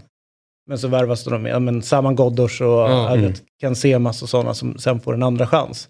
Men som ändå hade en talang i, i grunden. Alltså mycket handlar ju om miljö och det verkar som att Ja. Newcastle ändå byggt upp en väldigt harmonisk miljö Mm. där med Eddie Howe. Så vet man inte vilka målvaktstränare är. Det är ju sällan man har koll på målvaktstränare. Ja, men men ehm, det kanske finns en supermiljö för även dem. Så att det, det kan ju finnas så att han känner sig superhemma och, och mår väldigt bra i den Mm. miljön. Och då kanske vi får se att det blir en konkurrenssituation mellan de två där han får spela. Det är sällan du pratar, alltså, jag, hoppar precis på det, Vad fan, det är sällan du pratar om den rollen så här. För att när du värvar spelare, ja men det finns, den tränaren finns där. Eh, eller ja men de har den fystränaren. Men fan det måste ju vara samma sak för målvakter. Vilka, liksom, vilka har hög status som målvaktstränarna? Ja, jag kan inte nämna en enda målvaktstränare, alltså utanför Sverige. Kan, är Taffarel, han målvaktstränare? I vadå? Liverpool. En, är han målvaktstränare i Liverpool? Är det sant? Mm. Mäktigt. Mm. Där har vi något. Ja det var en ny materia för mig också. Mm. Kanske Nej men det är väl klart för att, och sen så finns det ju det som är intressant med det här med målvaktstränare, det är ju att det finns rätt många olika skolor i, det Mm. i det hela. Alltså hur du ska agera, Mm. hur du ska stå eh, och så vidare. Ja. Och den är ju, jag pratade med Robin Olsen om det när han kom till eh, Roma. De hade där och då en ganska speciell eh, mål, alltså som hade liksom en syn på hur man ska agera. Mm. Aldrig som var där innan, Mm. som man hade liksom, det är så här det blir om du jobbar med mig. Mm. Eh, och det gick ganska så här bjärt kontrast till, eh, till liksom Mm. hur han hade lärt sig grunderna innan. Jag kommer ihåg när jag flyttade till London, det här är ju i och för sig stenåldern. Men då var det hur eh, liksom, olika sätt att man ska stå och hålla händerna. Ska Mm. de vara, eh, hållas lågt eller ska de hållas högt från början? Är det lättare att dra ner en hand när man ska rädda bollen eller är det lättare att dra upp? Mm. Alltså, ehm, var står man? Hur långt ut ska man stå?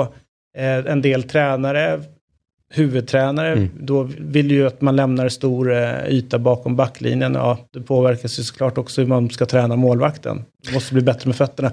Så att det är liksom, allting hänger ihop. Mm. Men det, jag skulle vilja vända på det.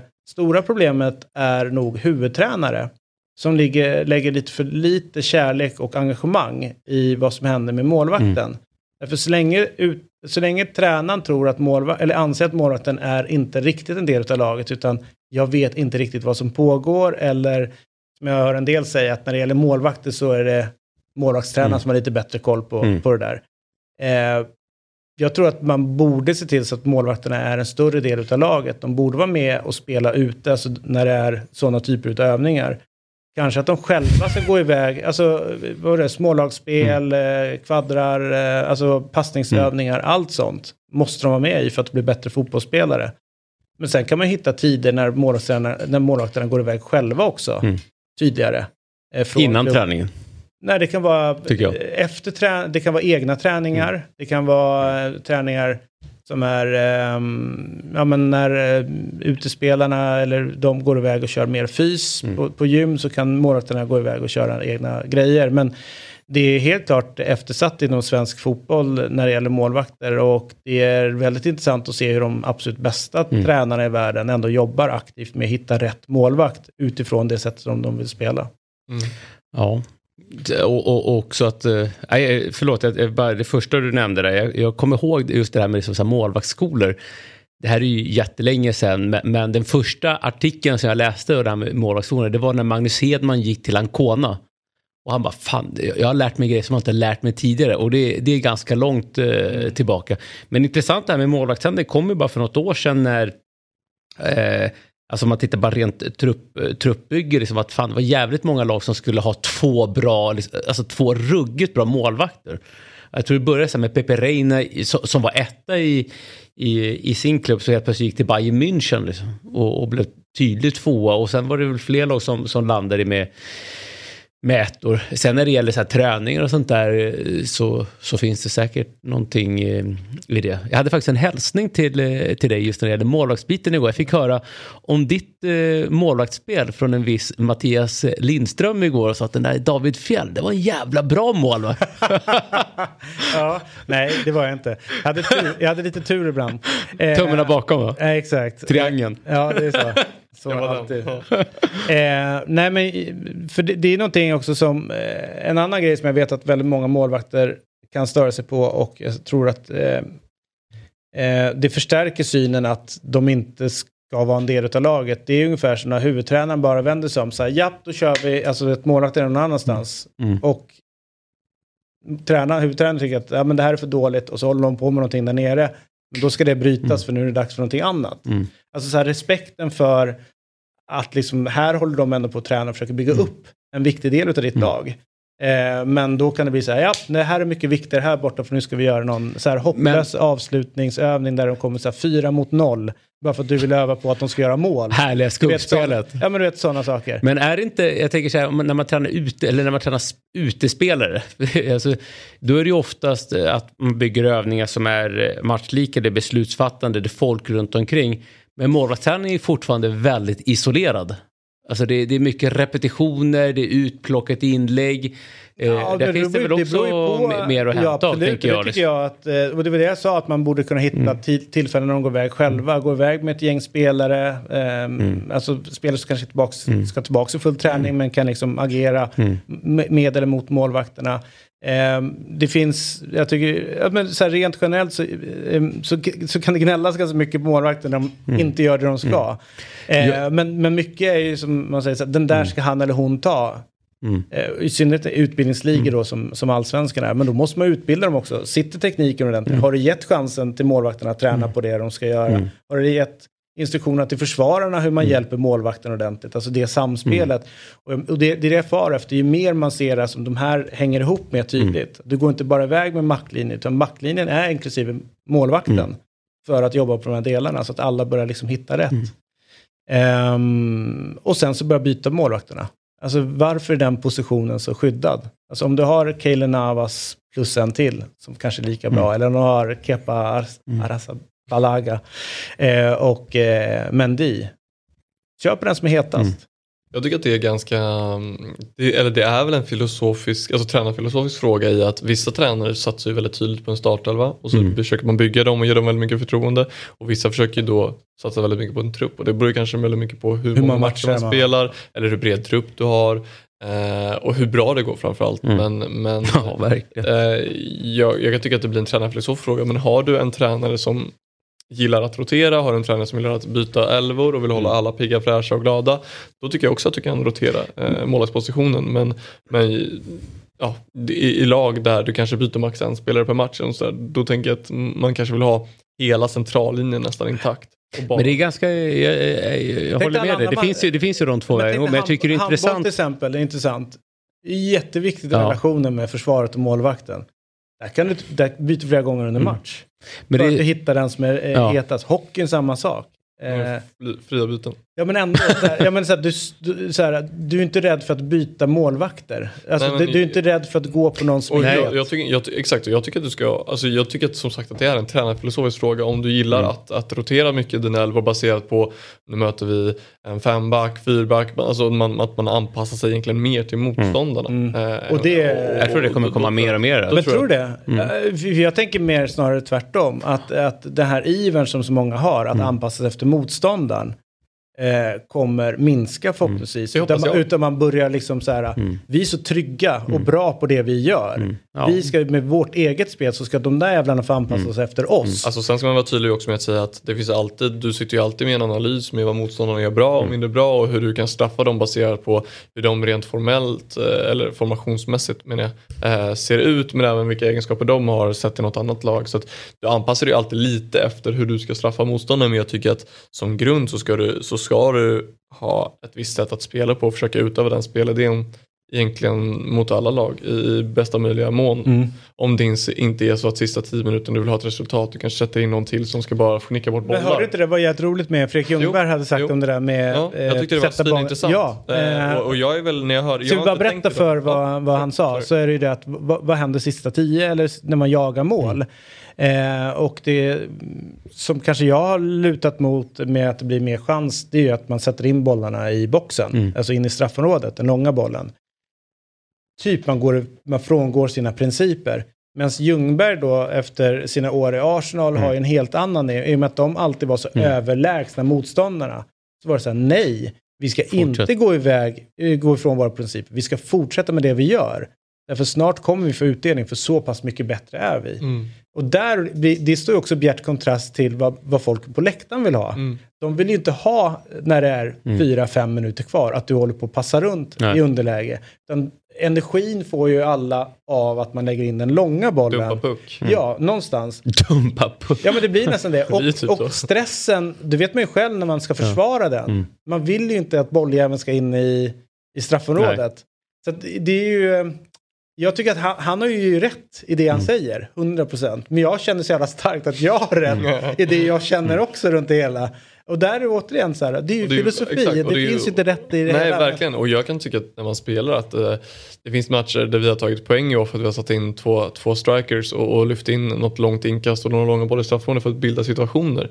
Eh, jag ser verkligen inte att det kan vara fel, tvärtom. Det, det är nödvändigt i vissa tillfällen men jag förstår ändå, respekterar ändå det han säger är att fortsätt bygg, fortsätt bygg, för det har vi också gjort och tagit poäng mm. av matcher. Det beror ju väldigt mycket på Matchbilden och dess Matchbilden, karaktär. sjunk, sjunker motståndarna ner liksom bara att de står en klump i straffområdet, ja men då behöver vi liksom rent positionellt placera oss ut så att vi behöver trycka in bollar i straffområdet, hur vi gör det längs backen eller, eller i luften, det spelar inte så stor roll, men vi behöver vinna den bollen som eventuellt dimper ut för att sen komma ut och trycka in bollar igen. Och där behöver vi flytta motståndarna hela tiden. Jag tycker att det, det har väl någonstans blivit en uppenbarelse för mig i år väldigt mycket att hur vi positionerar oss i, i anfallsspel är extrema förutsättningar för hur vi försvarar sen. Eh, och nyckeln till att liksom bygga anfallsspel på, på, och etablera anfallsspel på offensiv planhalva är egentligen rent positionellt. Hur många spelare nära bollen kan vi ha för att vinna den bollen som, som vi, förmod, eller vi kommer tappa i ett instick eller de kommer rensa bort i, i, vid ett inläggsläge. Det tycker jag är, har liksom blivit väldigt, väldigt tydligt för, för mig i år att eh, positionsspel offensivt är extremt viktigt för, för att sätta tryck och liksom återerövra bollen, bollen snabbast. Vi ska snart eh, ringa upp eh, Lasse Nilsson som är sportchef i Norrby som igår tog en oerhört viktig seger eh, mot eh, Halmstad och lämnar därmed negativ kvalplats. Men innan det, eh, och, och sen så ska vi prata med Ebba Kleberg från Sydow också. Eh, hon är moderedaktör eller eh, driver podcast, podcasten Säker stil. Hon kan mode. Zlatan släppte ju en kollektion igår. Vi, ska, vi ska gå igenom den. D-squared. Ja. Eh, men innan det så tänkte jag vi ska prata om eh, min favoritspelare. Kylian Mbappé. Eh, och Samuel där, ah vad fan, han ska ju vara i Real Madrid. alltså. det är fortfarande stick under Jag ska foten. ändå säga att jag börjar bli väldigt, väldigt trött på Kylian Mbappé. Hur Mm. han beter sig. Men eh, kör din grej så får väl jag säga om, se om det passar. han har ju skrivit på, alla trodde han skulle gå till Real Madrid i somras. Han blev kvar i PSG och sitter med ett monsterkontrakt på tre år. Som visar sig vara ett tvåårskontrakt. Mhm. Det sista året är en option som han kan aktivera. Eller Jag börjar inte. vilja Kylian Mbappé. Nu är, Och det innebär ju att bra redan i- januari 2024 är han ju fri att förhandla med vilken klubb eh, han vill. Eh, Den här går man inte på igen. för en gratis eh, övergång, alltså samma sommar. Och när jag säger gratis så är det ju gratis Dyrt. mellan klubbarna. Ja. Men Kilian kan ju fylla på sitt redan välfyllda bankkonto Så är det. eh, runt det hela. Grejen är att det som fascinerar mig med honom är egentligen mest... Eh, jag, jag satt bredvid planen när Frankrike mötte Belgien i, i VM 18. Alltså vet du, man sitter på sidlinjen. Ganska liten arena relativt sett. Avståndet mellan eh, där läktaren börjar och eh, själva fotbollsplanen. Och så satt jag på inneplan mellan båsen. Satan vilken, eh, alltså vilket fysfenomen. Eh, Och vilken, eh, ja, men vilken fart, vilken eh, explosivitet, eh, vilken bollbehandling. Alltså, det var så wake-up call Ja, ja. På, eh, på någonting som jag inte har blivit exponerad för tidigare. Och då har jag ändå följt spanska landslaget när de var som bäst Mm. med Torres, man har varit sett Drogbas och sådana saker. Men fan, Mbappé har någonting som är... Ja, men det, eh, det man kan dra sig till minnes av just den här liksom fysiska snabbheten som du pratar om. Jag tänker liksom accelerationsmomentet både utan boll men också med boll. Det är ju liksom till, eh, till aktioner som Ronaldo gjorde. Eh, I början av sin eh, karriär i PSV i Barcelona. Innan de här korsbands... Brasse- Riktiga, Brasse- riktiga Brasse- Ronaldo okej, givetvis. Eh, det andra är Cristiano Ronaldo. Nej men jag pratar Ronaldo, Mm. Brasse Ronaldo. Eh, där man såg så här, oj fan han är ju, han är ju före sin tid liksom. Alltså så här rent fysiskt liksom. Det var ingen som hängde Nej. med honom. Eh, och det bisarra var ju till och med att folk hängde inte med honom när han var överviktig och gjorde sina överstegsfinter. Det var ju än mer, men, men lite så känner man att för nu spelarna så pass liksom fysiskt trimmar och, och, och som jag gjorde ju ändå var i Paris förra veckan och gjorde Paris mot, mot eh, PSG mot Juventus. Och då var jag också så, så, bara, så fort han får bollen. Det var inget märkvärdigt att han ska hålla på sin översikt. Det var ju det här klassiska peta, gå. Folk hinner inte Nej, med. det går inte. Det går Det- inte. Sen, sen förstår jag att, du- att, att men jag- alltså, så här med övergångs, liksom, soppan som är, den är jag också trött på. Jag är trött Ja, på men jag är alla inte trött på just så. det. Alltså, jag tycker att han, eh, att, jag tycker det som hände hände och han får väl göra vad han vill. Den är, ju- och, och han är en fantastisk, fantastisk fotbollsspelare, missförstå mig inte. Alltså det är inte så att jag är arg för att han inte är i Real Madrid. Det, det Men du är besviken. Ja, men det, är inte, alltså, det hade varit fantastiskt att se honom där. Jag tycker så fortfarande han är en, det är en helt fenomenal fotbollsspelare. Jag tycker bara allt det här runt om fotbollsplanen som kommit ut med att eh, han, skäller han skäller ut eh, då som ska vara hans närmsta vän i, i Hakimi i halvtid som läcker de här bilderna där, han, där Hakimi säger ja ledsen att passen inte gick fram. Han säger det räcker inte med att vara ledsen. Det räcker inte med att be om ursäkt. Den här passen ska sitta, förstår du? Och jag kan tycka så här att ja, det är klart att du ska vara hård när det kommer till, eller du får vara hård och det, det är ett fotbollsklimat som ska vara så tycker jag. Jag tycker det är bra när man är rak och ärlig men jag tycker att han går från rak och ärlig till att vara divig. Jag tycker också intervjun efter att eh, han vägrar passa Neymar till öppet mål mot Juventus och säger han ja men vi är två stora personligheter och eh, vi båda vill göra mål ehm, eh, och, och då så tog de upp också, det fanns ett läge sen där Neymar inte passade dig när det kommer en omställning. Ja men det är så vi är, vi är två stora spelare och ibland är det som man gör som storspelare. Fast att jag- det har liksom stigit jag- honom lite för mycket mot Ja, huvudet. Ja, men jag, hör, Mm. jag hör det å ena sidan, men inte å andra. Jag tror att det är så... Eh, Anthony, jag vet inte om vi har den, eh, den eh, citatet som han eh, sa i... Eh, mm, han som gick till eh, Brassan, United, United. från Ajax. Han, han berättar i alla fall var, varifrån han kom. Eh, alltså, eh, han bodde liksom i mitten av favelan. Han har behövt jobba och slita för att ta sig, upp, ja, ja, ta sig toppen. Det är så många som har en så här extrem gata i sig. Som gör precis allt för att bli bäst. Och jag tror inte att, eh, om vi läser runt Zlatan, vad han har gjort. Eh, det, i omklädningsrum. något helt annat. Nej, eller vad Messi har gjort i omklädningsrum. Eller Messi har fått bort spelare. Eh, Ronaldos attityd och hans... sådär. Jag tror att det går inte att bli bäst i världen på fotboll. Nej, det, Utan att ha den där, just den där lilla diva-grejen. Och det- Att inte passa, alltså de passar inte för han gör mål. Det är därför de blir bäst. och, det, och det är jag helt, helt medveten om och det är jag verkligen okej och älskar det. Eh, det jag tycker att det har jag tycker Mbappé med allt som kommit ut med hur mycket han ska liksom, jag tycker att det har gått överstyr med hur han beter sig i den här klubben. Liksom att han, vilket till viss del kanske han är större än klubben, men, men liksom det här eh, ja, enorma, enorma, enorma avtalet, han sitta på så många positioner. Det känns som att han, han har tagit det på så stort allvar i att med, med straffsituationerna och allt det här, att det liksom, han gläds inte alls åt att PSG vinner matcher. Han bryr sig inte om PSG vinner matcher, han bryr sig bara att han själv är i centrum. Och det kan jag tycka är något annat än Fast är det verkligen så med tanke på att han är ju en Paris-kille, förvisso liksom, ute, eh, liksom, han slog inte igenom från början i Paris utan de hämtade ju hem honom.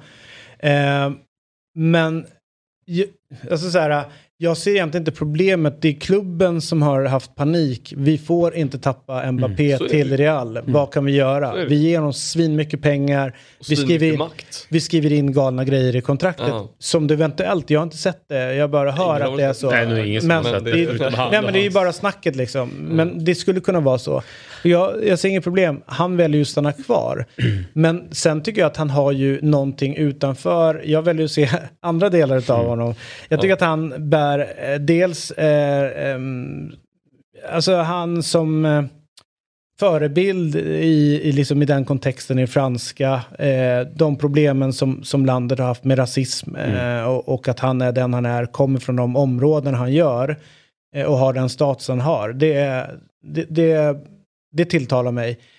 Sen estetiskt, det är en vacker människa. Alltså jag tycker Ja, att han alltså, spelar fotboll vackert. Jag tycker han utseende, han är, utseende han är en fenomenal fotbollsspelare men jag tycker fortfarande att det Nej, men jag säga så här, och jag tycker så här, det, för mig är det viktigt att lägga upp alla delar i Mbappé. Jag kan liksom inte bara säga att det är bara fotbollsspelaren, utan för mig så blir han liksom en, en helhet. Eh, och den, eh, den fascinerar mig något jävligt. Det, Och nästan lite extra för de sakerna du säger. Att, de, att de ger honom det där galna kontraktet. Ja. Men han har, ju, han, han har ju fått, jag ska inte säga- stämpel, men, men eh, det, det blivit ett litet drev mot honom och i synnerhet från, från huvudstaden i, i Spanien att nu börja hitta lite grejer på honom som, som dyker upp som- för att måla upp en, jag ska säga en lite mer osympatisk bild av, eh, Den av är honom. Exakt, som eh, Samuel eh, köper med en gång. För han sitter och läser deras vinklade tidningar i, i, i Madrid. Jag är noll kritisk, jag bara köper allt. Exakt, ja, exakt, Ja. exakt. Nu har vi med oss eh, Lasse Nilsson och får vi ändå säga Lasse för transparentens skull att eh, eh, det kan vara så att vi har spelat samma fotbollsmatch med tv-laget någon gång eh, och det är definitivt så att Lasse aldrig har gjort mål på mig i fotboll. eh, välkommen till Fotbollsmorgon. Ja, tack så mycket Jovar, tack. Jag kom in i, i, när jag svarade så hörde jag vacker fotbollsspelare och så tänkte jag fan vad det här börjar bra liksom. Men sen hörde jag att det var Mbappé ni pratade om. Ja, det var inte dig, eh, även fast du är vacker. Nej, det var synd. Eh, du är ju gammal forward, eh, gjorde mycket mål. Eh, vad tänker du kring Mbappé? Hur bra är han tycker du? Innan du får börja svara på frågor om Norrby.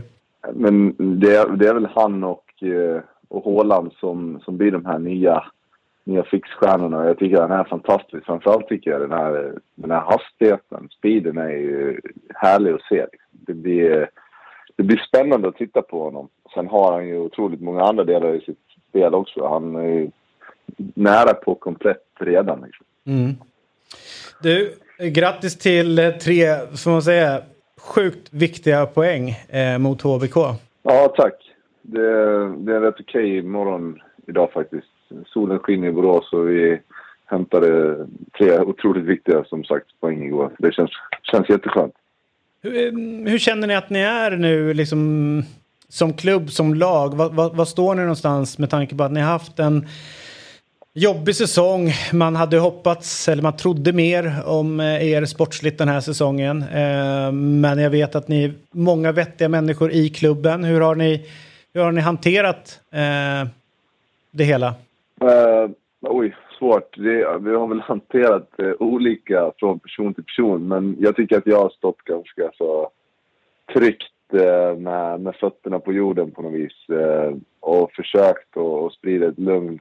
Eh, sen har jag i ärlighetens namn inte eh, haft någon sån här riktig oro. Inte ännu i alla fall. Alltså det är så många matcher kvar att, att spela fortfarande. Och jag, ty jag tycker att vi har en, en stabilitet i, i våran trupp som, eh, som, som ska räcka. Liksom. Det ska inte behöva vara eh, nedflyttningshot. Men nu är vi där nere och det är klart att det gör ju att, att dagarna, veckorna blir, det blir en annan stressnivå än vad det, vad det borde vara. Liksom. Och framförallt de året som jag hade innan och förväntningarna som är lite högre. Så, så det är klart att eh, vi hade önskat eh, något helt annat sportsligt. Samtidigt så, så försöker vi jobba på eh, med de andra delarna eh, och, och stärka vår organisation samtidigt som vi ska försöka att få eh, de första resultaten på rätt väg igen.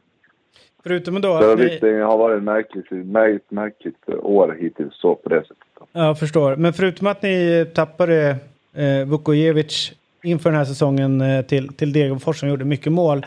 Eh, det, det faktum att det gick så pass bra, ni, det var ju målskillnadsaffär, eh, om inte jag har fel, med Helsingborg till att få kvalplatsen till, till allsvenskan förra säsongen. Kan det vara så att några av spelarna kanske har gått ner någon procent i början och trott att de har, att men det här, vi är bra? Alltså det är lite annan inställning. Nej, Nej, jag tror, jag, tror, ja, jag tror inte inställningen så där på Eller, planen ja. har Ja, varit du någon fattar väl, Däremot inte jag på planen, men- På att, ja, ja, det tror jag definitivt. Jag tror det smyger in någon liten... Alltså superettan är ju, eh, ja, enligt mig då, eh, den är ju otroligt jämn. Och, och det lag som, som typ springer och krigar mest, det låter skittråkigt. Men det, är, det handlar inte så det är jättemycket om, om äh, kvalitet blir fel att säga, men ni förstår vad jag menar. Alltså, det, det är en, en serie där du, du ska jobba och, och springa dig till, till poäng i första hand. Och du, det kommer handla om marginaler i straffområdena. Och är man inte riktigt 100% påkopplad hela tiden, då, då studsar liksom marginalerna åt fel håll. Och det har de gjort lite för oss. Eh, framförallt eh, när vi startade med två segrar. Eh, och jag tror att det kändes som att, och det känner nog jag också, eh, det blir ju automatiskt så. Ja men det här rullar ju på som förra året, det här känns svinbra. Eh, och sen när då dippen börjar komma så då ska man kriga sig ur den. Och det tycker jag ändå att, eh, jag tycker ändå vi har gjort det. Vi var ju långt nere kändes det som eh, eh, eh under en period här på sensommaren. Och nu har vi ändå senaste fyra matcherna, även om en är cupmatch, så har vi tre segrar och, och ett kryss. Så att, eh, det känns som att vi, vi är på väg att toppa formen, vilket känns bra. Tjena Lasse, Samuel heter jag. Eh, jag tänkte bara fråga hur du tycker att vägen från spelare till sportchef relativt snabbt, hur den vägen har varit och hur du kom in på den linjen och vad var det som fick dig att bestämma att det är just sportchef du ska vara? Uh, oj, ska jag försöka eh, göra ett väldigt långt svar kort. Men jag hade väl egentligen inte tänkt att, att hålla till i fotbollen. Uh, utan skulle försöka ta ett kliv därifrån var hemma med... Jag var hemma med barnen i ungefär ett år och sen så ringde eh, David Kryssman och berättade vad de hade tänkt att göra med organisationen och försöka att, att utveckla hela, hela klubben. Och då behövde han hjälp, eh, vilket var eh, stort på något sätt av David som har varit en, en väldigt, ja, den största delen i, i Norrbys framgångar skulle jag säga. Men han sa att ja, jag behöver hjälp med den delen som jag är sämst på och det är fotboll. Så att, eh, och det är väl den han tycker Han är aik så du fattar ju var- att han är dålig på fotboll. Nej, men ni, ni förstår vad jag menar. Ja. När, när man jobbar med någonting som... Han älskar ju fotboll och älskar hela den här föreningsdelen. Och, och få släppa kanske den delen som han tycker är roligast. Eh, Det krävs ju en viss typ av människa och ha den både självinsikten och sen även att göra det. Liksom. Så att, eh, sen vet jag inte om det har blivit bättre för att jag kom in, men, men jag hoppas det och tror väl kanske någonstans det också. Och, Eh, på den vägen var det och då kände jag att eh, ja, det finns 32 sådana här, såna här jobb i Sverige och, och de lär inte kastas i, i knät på mig allt för många gånger. Så att, eh, då hoppar jag på och, och, och, och försöker. Liksom. Ehm, Sen har jag vuxit in i rollen. Vad talar för er nu då? Eh, Ni har fått upp farten ehm, här på slutet. Västerås vann väl också i helgen om inte jag har fel. Jag satt och kollade på dem. Kan de ha mött Skövde, något rö, rödklätt lag? var det Skövde AIK? Ja, precis, de var med 4 där. Ja, precis. Så att de börjar också röra på sig. Eh, Vad, vilka är de största utmanarna som du ser? Liksom, de här vet du är bra där nere. Men alltså in, innan den här omgången så hade man väl en, en, eh, en idé och sen efter, eh, efter omgången så blir det lite en annan idé. Så det, det, är det som är så förbannat svårt med Superettan. Det är jämna matcher hela tiden och alla slår i stort sett alla. Eh, det känns det som att det har blivit ett glapp ner till Östersund och Dalkurd. Vilket, ja, det känns ju såklart skönt för oss. Ja. Sen är det ju svintajt ända upp till, ja, vad är det, Utsikten tror jag på åttonde plats som har 29 och vi har 27 och vi är precis ovanför. Så att, eh, jag, jag, jag vågar liksom inte gissa men, men det känns ju ändå som att Örebro eh, på något sätt, ändå, i alla fall med den individuella kvaliteten de har, borde kunna eh, hålla sig ifrån det där, det där kvalstrecket. Eh, men annars, ja, jag vågar liksom inte gissa. Det är så pass jämna matcher och, och jämna lag så att eh, eh, det, handlar, det handlar om form nu Mm. och det handlar om tro. Eh, och på det sättet känns det otroligt skönt att vi har en positiv trend. Härligt Lasse. Eh, kanske finns anledning för oss att springa på varandra i någon fotbollsmatch. Eh, om du behöver en vass Jag hoppas slips. det. Ja, om du behöver vass målvakt så vet du var jag finns. Ja, jag, jag lägger det på minnet. ja, gör det. Jag är billig. Härligt. Du, det tror eh, jag på något sätt inte. vad sa du? Han tror inte att du är billig. Ja, jo, för fan Lasse. För dig, för dig är jag billig så inåt helvete så det är inga konstigheter. Eh, Ja, god morgon på dig och återigen glatt, grattis till de tre eh, poängen. Tack Lasse grabbar. Nilsson, sportchef i, eh, eh, i Norrby alltså. Och för er som tänker så här, jaha, Lasse Nilsson, Li- Nilsson, det där namnet känner jag igen. Ja, det är Lasse Nilsson som spelade fotboll I Elfsborg. i Elfsborg. Zlatan har ju släppt eh, en klädkollektion. Ja, Het, säger man D-squared? eh, ja D-square. Ja. Ja. Det är tillsammans med dem som den här kollektionen ligger uppe, eller som han har släppt den. Han har ju varit inne tidigare och inne med kalsonger eh, tillsammans med några norrmän. Eh, och eh, nu i alla fall så har han uppat upp liksom eh, och nu är det jeans och, och alla saker. Och då tänkte jag så här, det här är ju viktiga saker att man pratar om på rätt sätt. Jag är väldigt dålig på det. Eh, men jag får väl säga en före detta kollega, eh, Ebba Kleberg von Sydow, vi eh, snurrade runt på SVT samtidigt en gång i tiden, har full koll på kläder och mode. Om det är någon som kan svara på vad som är rätt, om det sitter rätt, färgerna är rätt och sådana saker, så är det Ebba. Spännande. Såklart är Ebba med i Fotbollsmorgon. Och vi säger god morgon till Ebba Kleberg von Sydow. Hur mår du? Ja, men jag mår strålande. Gud vad kul att få vara med här. Stort tack. Ja, och vad kul att du vill vara med. Du förstår ju att vi har problem när det börjar handla om mode i fotbollsvärlden. Vi, vi kan bedöma en fotbollströja om den är fin eller inte. Vi kan ha synpunkter på reklam och reklamtryck. Väldigt dåliga med, Ja. eh, med eh, liksom det allmänna klädmodet. Rent generellt sett, vad är det som gäller med jeans? Ska de vara smala, stora, färger? Vad, vad är det nu? För att jag har noterat att Zlatan är inne i jeansträsket. Ja, men Zlatan är ju eh, ändå helt rätt. Dels är han ju rätt på det sättet att han faktiskt skiter ganska mycket i trender vad gäller sin egen stil. Och då blir man ju förr eller senare rätt och det är ju mer rätt än någonsin att ändå ha sin egen stil. Eh, men sen det här samarbetet nu som han lanserar tycker jag ändå känns som ett väldigt spännande kliv på väg in i modets finrum lite mer för Zlatan. Berätta varför då? Varför är det, är det här så rätt? Ja, men den här, eh, dels, nu är det ju den här kanadensiska, eller kanadensiskfödda modeduon D-Squared som är alltså ett par tvillingar som är goda vänner också till Zlatan. Han har jobbat med dem tidigare. För drygt ett år sedan så släppte de någon slags merch-kollektion som var liksom bara stora, eh, blastiga vita tryck på svarta t-shirts som sålde slut direkt. Um, begränsad upplaga. Och Jag tror väl att de fick väl idén om att göra en mer skräddad kollektion. För det här är ändå ett italienskt modehus som är streetigt coolt men ändå liksom respekterat. Eh, Mhm. och det här är ju mer en kollektion skulle jag säga. Det är visst, det är stora tryck på. Men det är ändå lite mer diskret och eh, det har någonting coolt. Eh, jag vet inte riktigt vilken ände jag vill börja här. Det börjar ju med, han går ju runt i ett par jeans med bar överkropp och så har han släppt ut håret.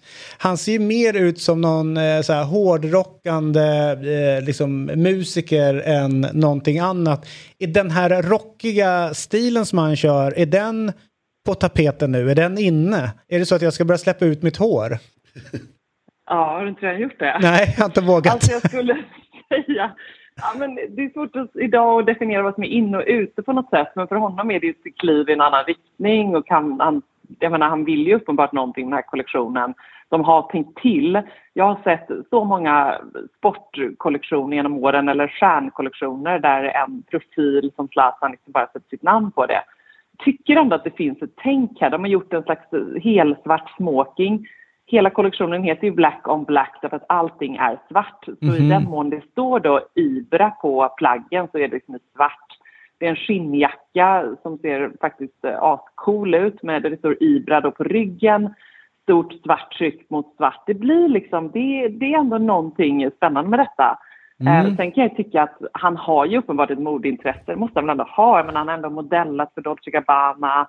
Eh, han är inte helt missnöjd med att uh, hyllas som stilikon då och då. Men är det här, är det. rätt, ja, vi börjar med det här då, den här jackan ser jag framför mig nu eh, och jag håller Mm. med dig, den ser jättebra ut. Men vill man ha det där trycket på ryggen? Alltså det, det, det, det, det, det där blir det lite tacky tänker jag.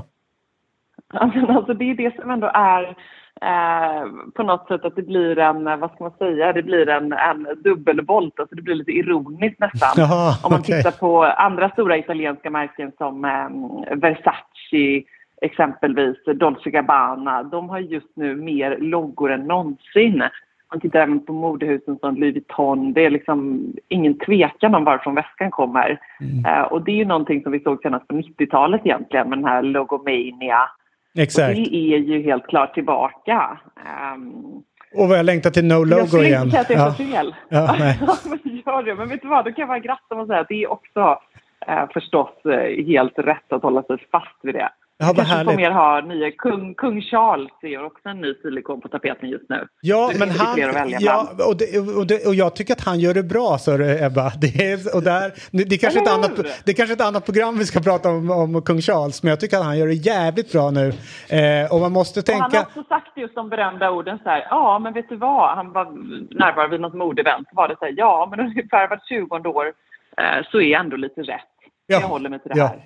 Jag har ju vägrat gå på de här vida jeansen som verkar vara poppis nu och håller kvar vid de smala och tänker att någon gång så kommer jag liksom be in fashion igen. Jag kan inte göra avkall på, på min per- person på det sättet. Men eh. Eh, är det rätt att satsa på mode? Finns det... Finns det ja men okej, krasst då. Finns det pengar där? Finns, alltså, eller är det sån jäkla konkurrens? Han har ju, som du varit inne på, försökt flera gånger. Han gjorde med de här norrmän... Ja, med Dressman. Dressman-grundarna där och, och gjorde, lanserade sitt A till Z. Exakt. Han har ju försökt några gånger men det har liksom inte slagit. eh, Och om man säger så här, idrottare, väl Björn Borg som jag känner har verkligen lyckats med, med, sin, eh, med sin klädsatsning. Eh, för den lever vidare. Eh, men i övrigt så är det väldigt få av de absolut största. ja, Men, ja, tennisen back in the days, men just från, från modern tid så verkar det vara svårt för folk att lyckas. Ja, i och för sig skulle jag nog säga att eh, Rafa och Federer är väl lysande exempel på att klädkollektionerna går helt eh, otroligt bra. De säljer ju liksom, de dominerar ju inom eh, tennisgear med Mm. sina respektive märken eh, och samarbeten. Och tittar man då på, på ja, tennis så är det ju som exempel så är det ju där pengarna ligger. Eh, Det är ju klädkollektioner, det är klädspons, det är samarbete med stora etablerade varumärken. Och skillnaden här tror jag, som i och för sig måste jag säga, tyckte att det här A till Z eh, inte var så himla dumt. Jag fattar faktiskt inte att det inte funkade. Det var liksom schyssta kallingar, Ja, eh, helt okej priser, snyggt. Eh, eh, jag gillade det. Eh, så jag fattar inte riktigt det. Jag tror kanske att de hade, borde haft lite mer uthållighet så hade det kunnat funka jättebra. Eh, men här så går han ju lite säkrare då och jobbar tillsammans med den här, det här ändå italienska modehuset som har bra street-influencer. Så det är ju en perfekt match. ja det är, är, är de kreddiga i Sverige också? Är de kreddiga i Sverige eller? alltså, helt okej. All right. Jag skulle säga att det är, det är mindre viktigt egentligen för honom tror jag. Eh, jag tror väl inte att Sverige är den eh, huvudsakliga marknaden för den här kollektionen. Det ser inte ut så. Nej.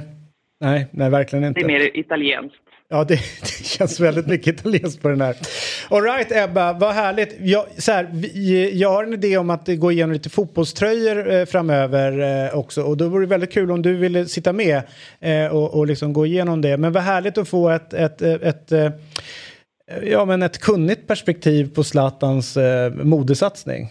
För att jag... Ja, men det, det släpps ju här nu imorgon. Vi får väl stämma av om eh, ett tag här och se ifall det står slut helt Ja, enkelt. och hur Om det hade går för dem. Jag Ja. tror att det säljer slut. Ja, vi, vi följer upp det, det lovar vi. Det här blir superspännande. Lyckas han sälja slut eller inte?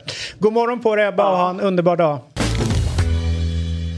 All right, eh, klockan är eh, 9.02. Eh, vi tackar er för den här morgonen. Imorgon så är eh, Jesper och hans B-lag tillbaka och på fredag så sitter vårt fina eh, weekendgäng här. Eh, så att vi kör ju hela veckan och på lördag så är det Eurotalk Weekend. Och om ni vill eh, ta del av fler grejer från våra eh, program så finns det ju eh, dobb.tv. Ni kan gå in där och hitta eh, era favoritprogram. Eller Big Six, podden om Premier League som finns där ute där poddar finns. Hej då! Fotbollsmorgon presenteras i samarbete med Telia. Samla sporten med alla matcher från Uefa Champions League, Allsvenskan, Superettan och SHL i ett paket. ATG. Odds på Premier League, Allsvenskan och all världens fotboll.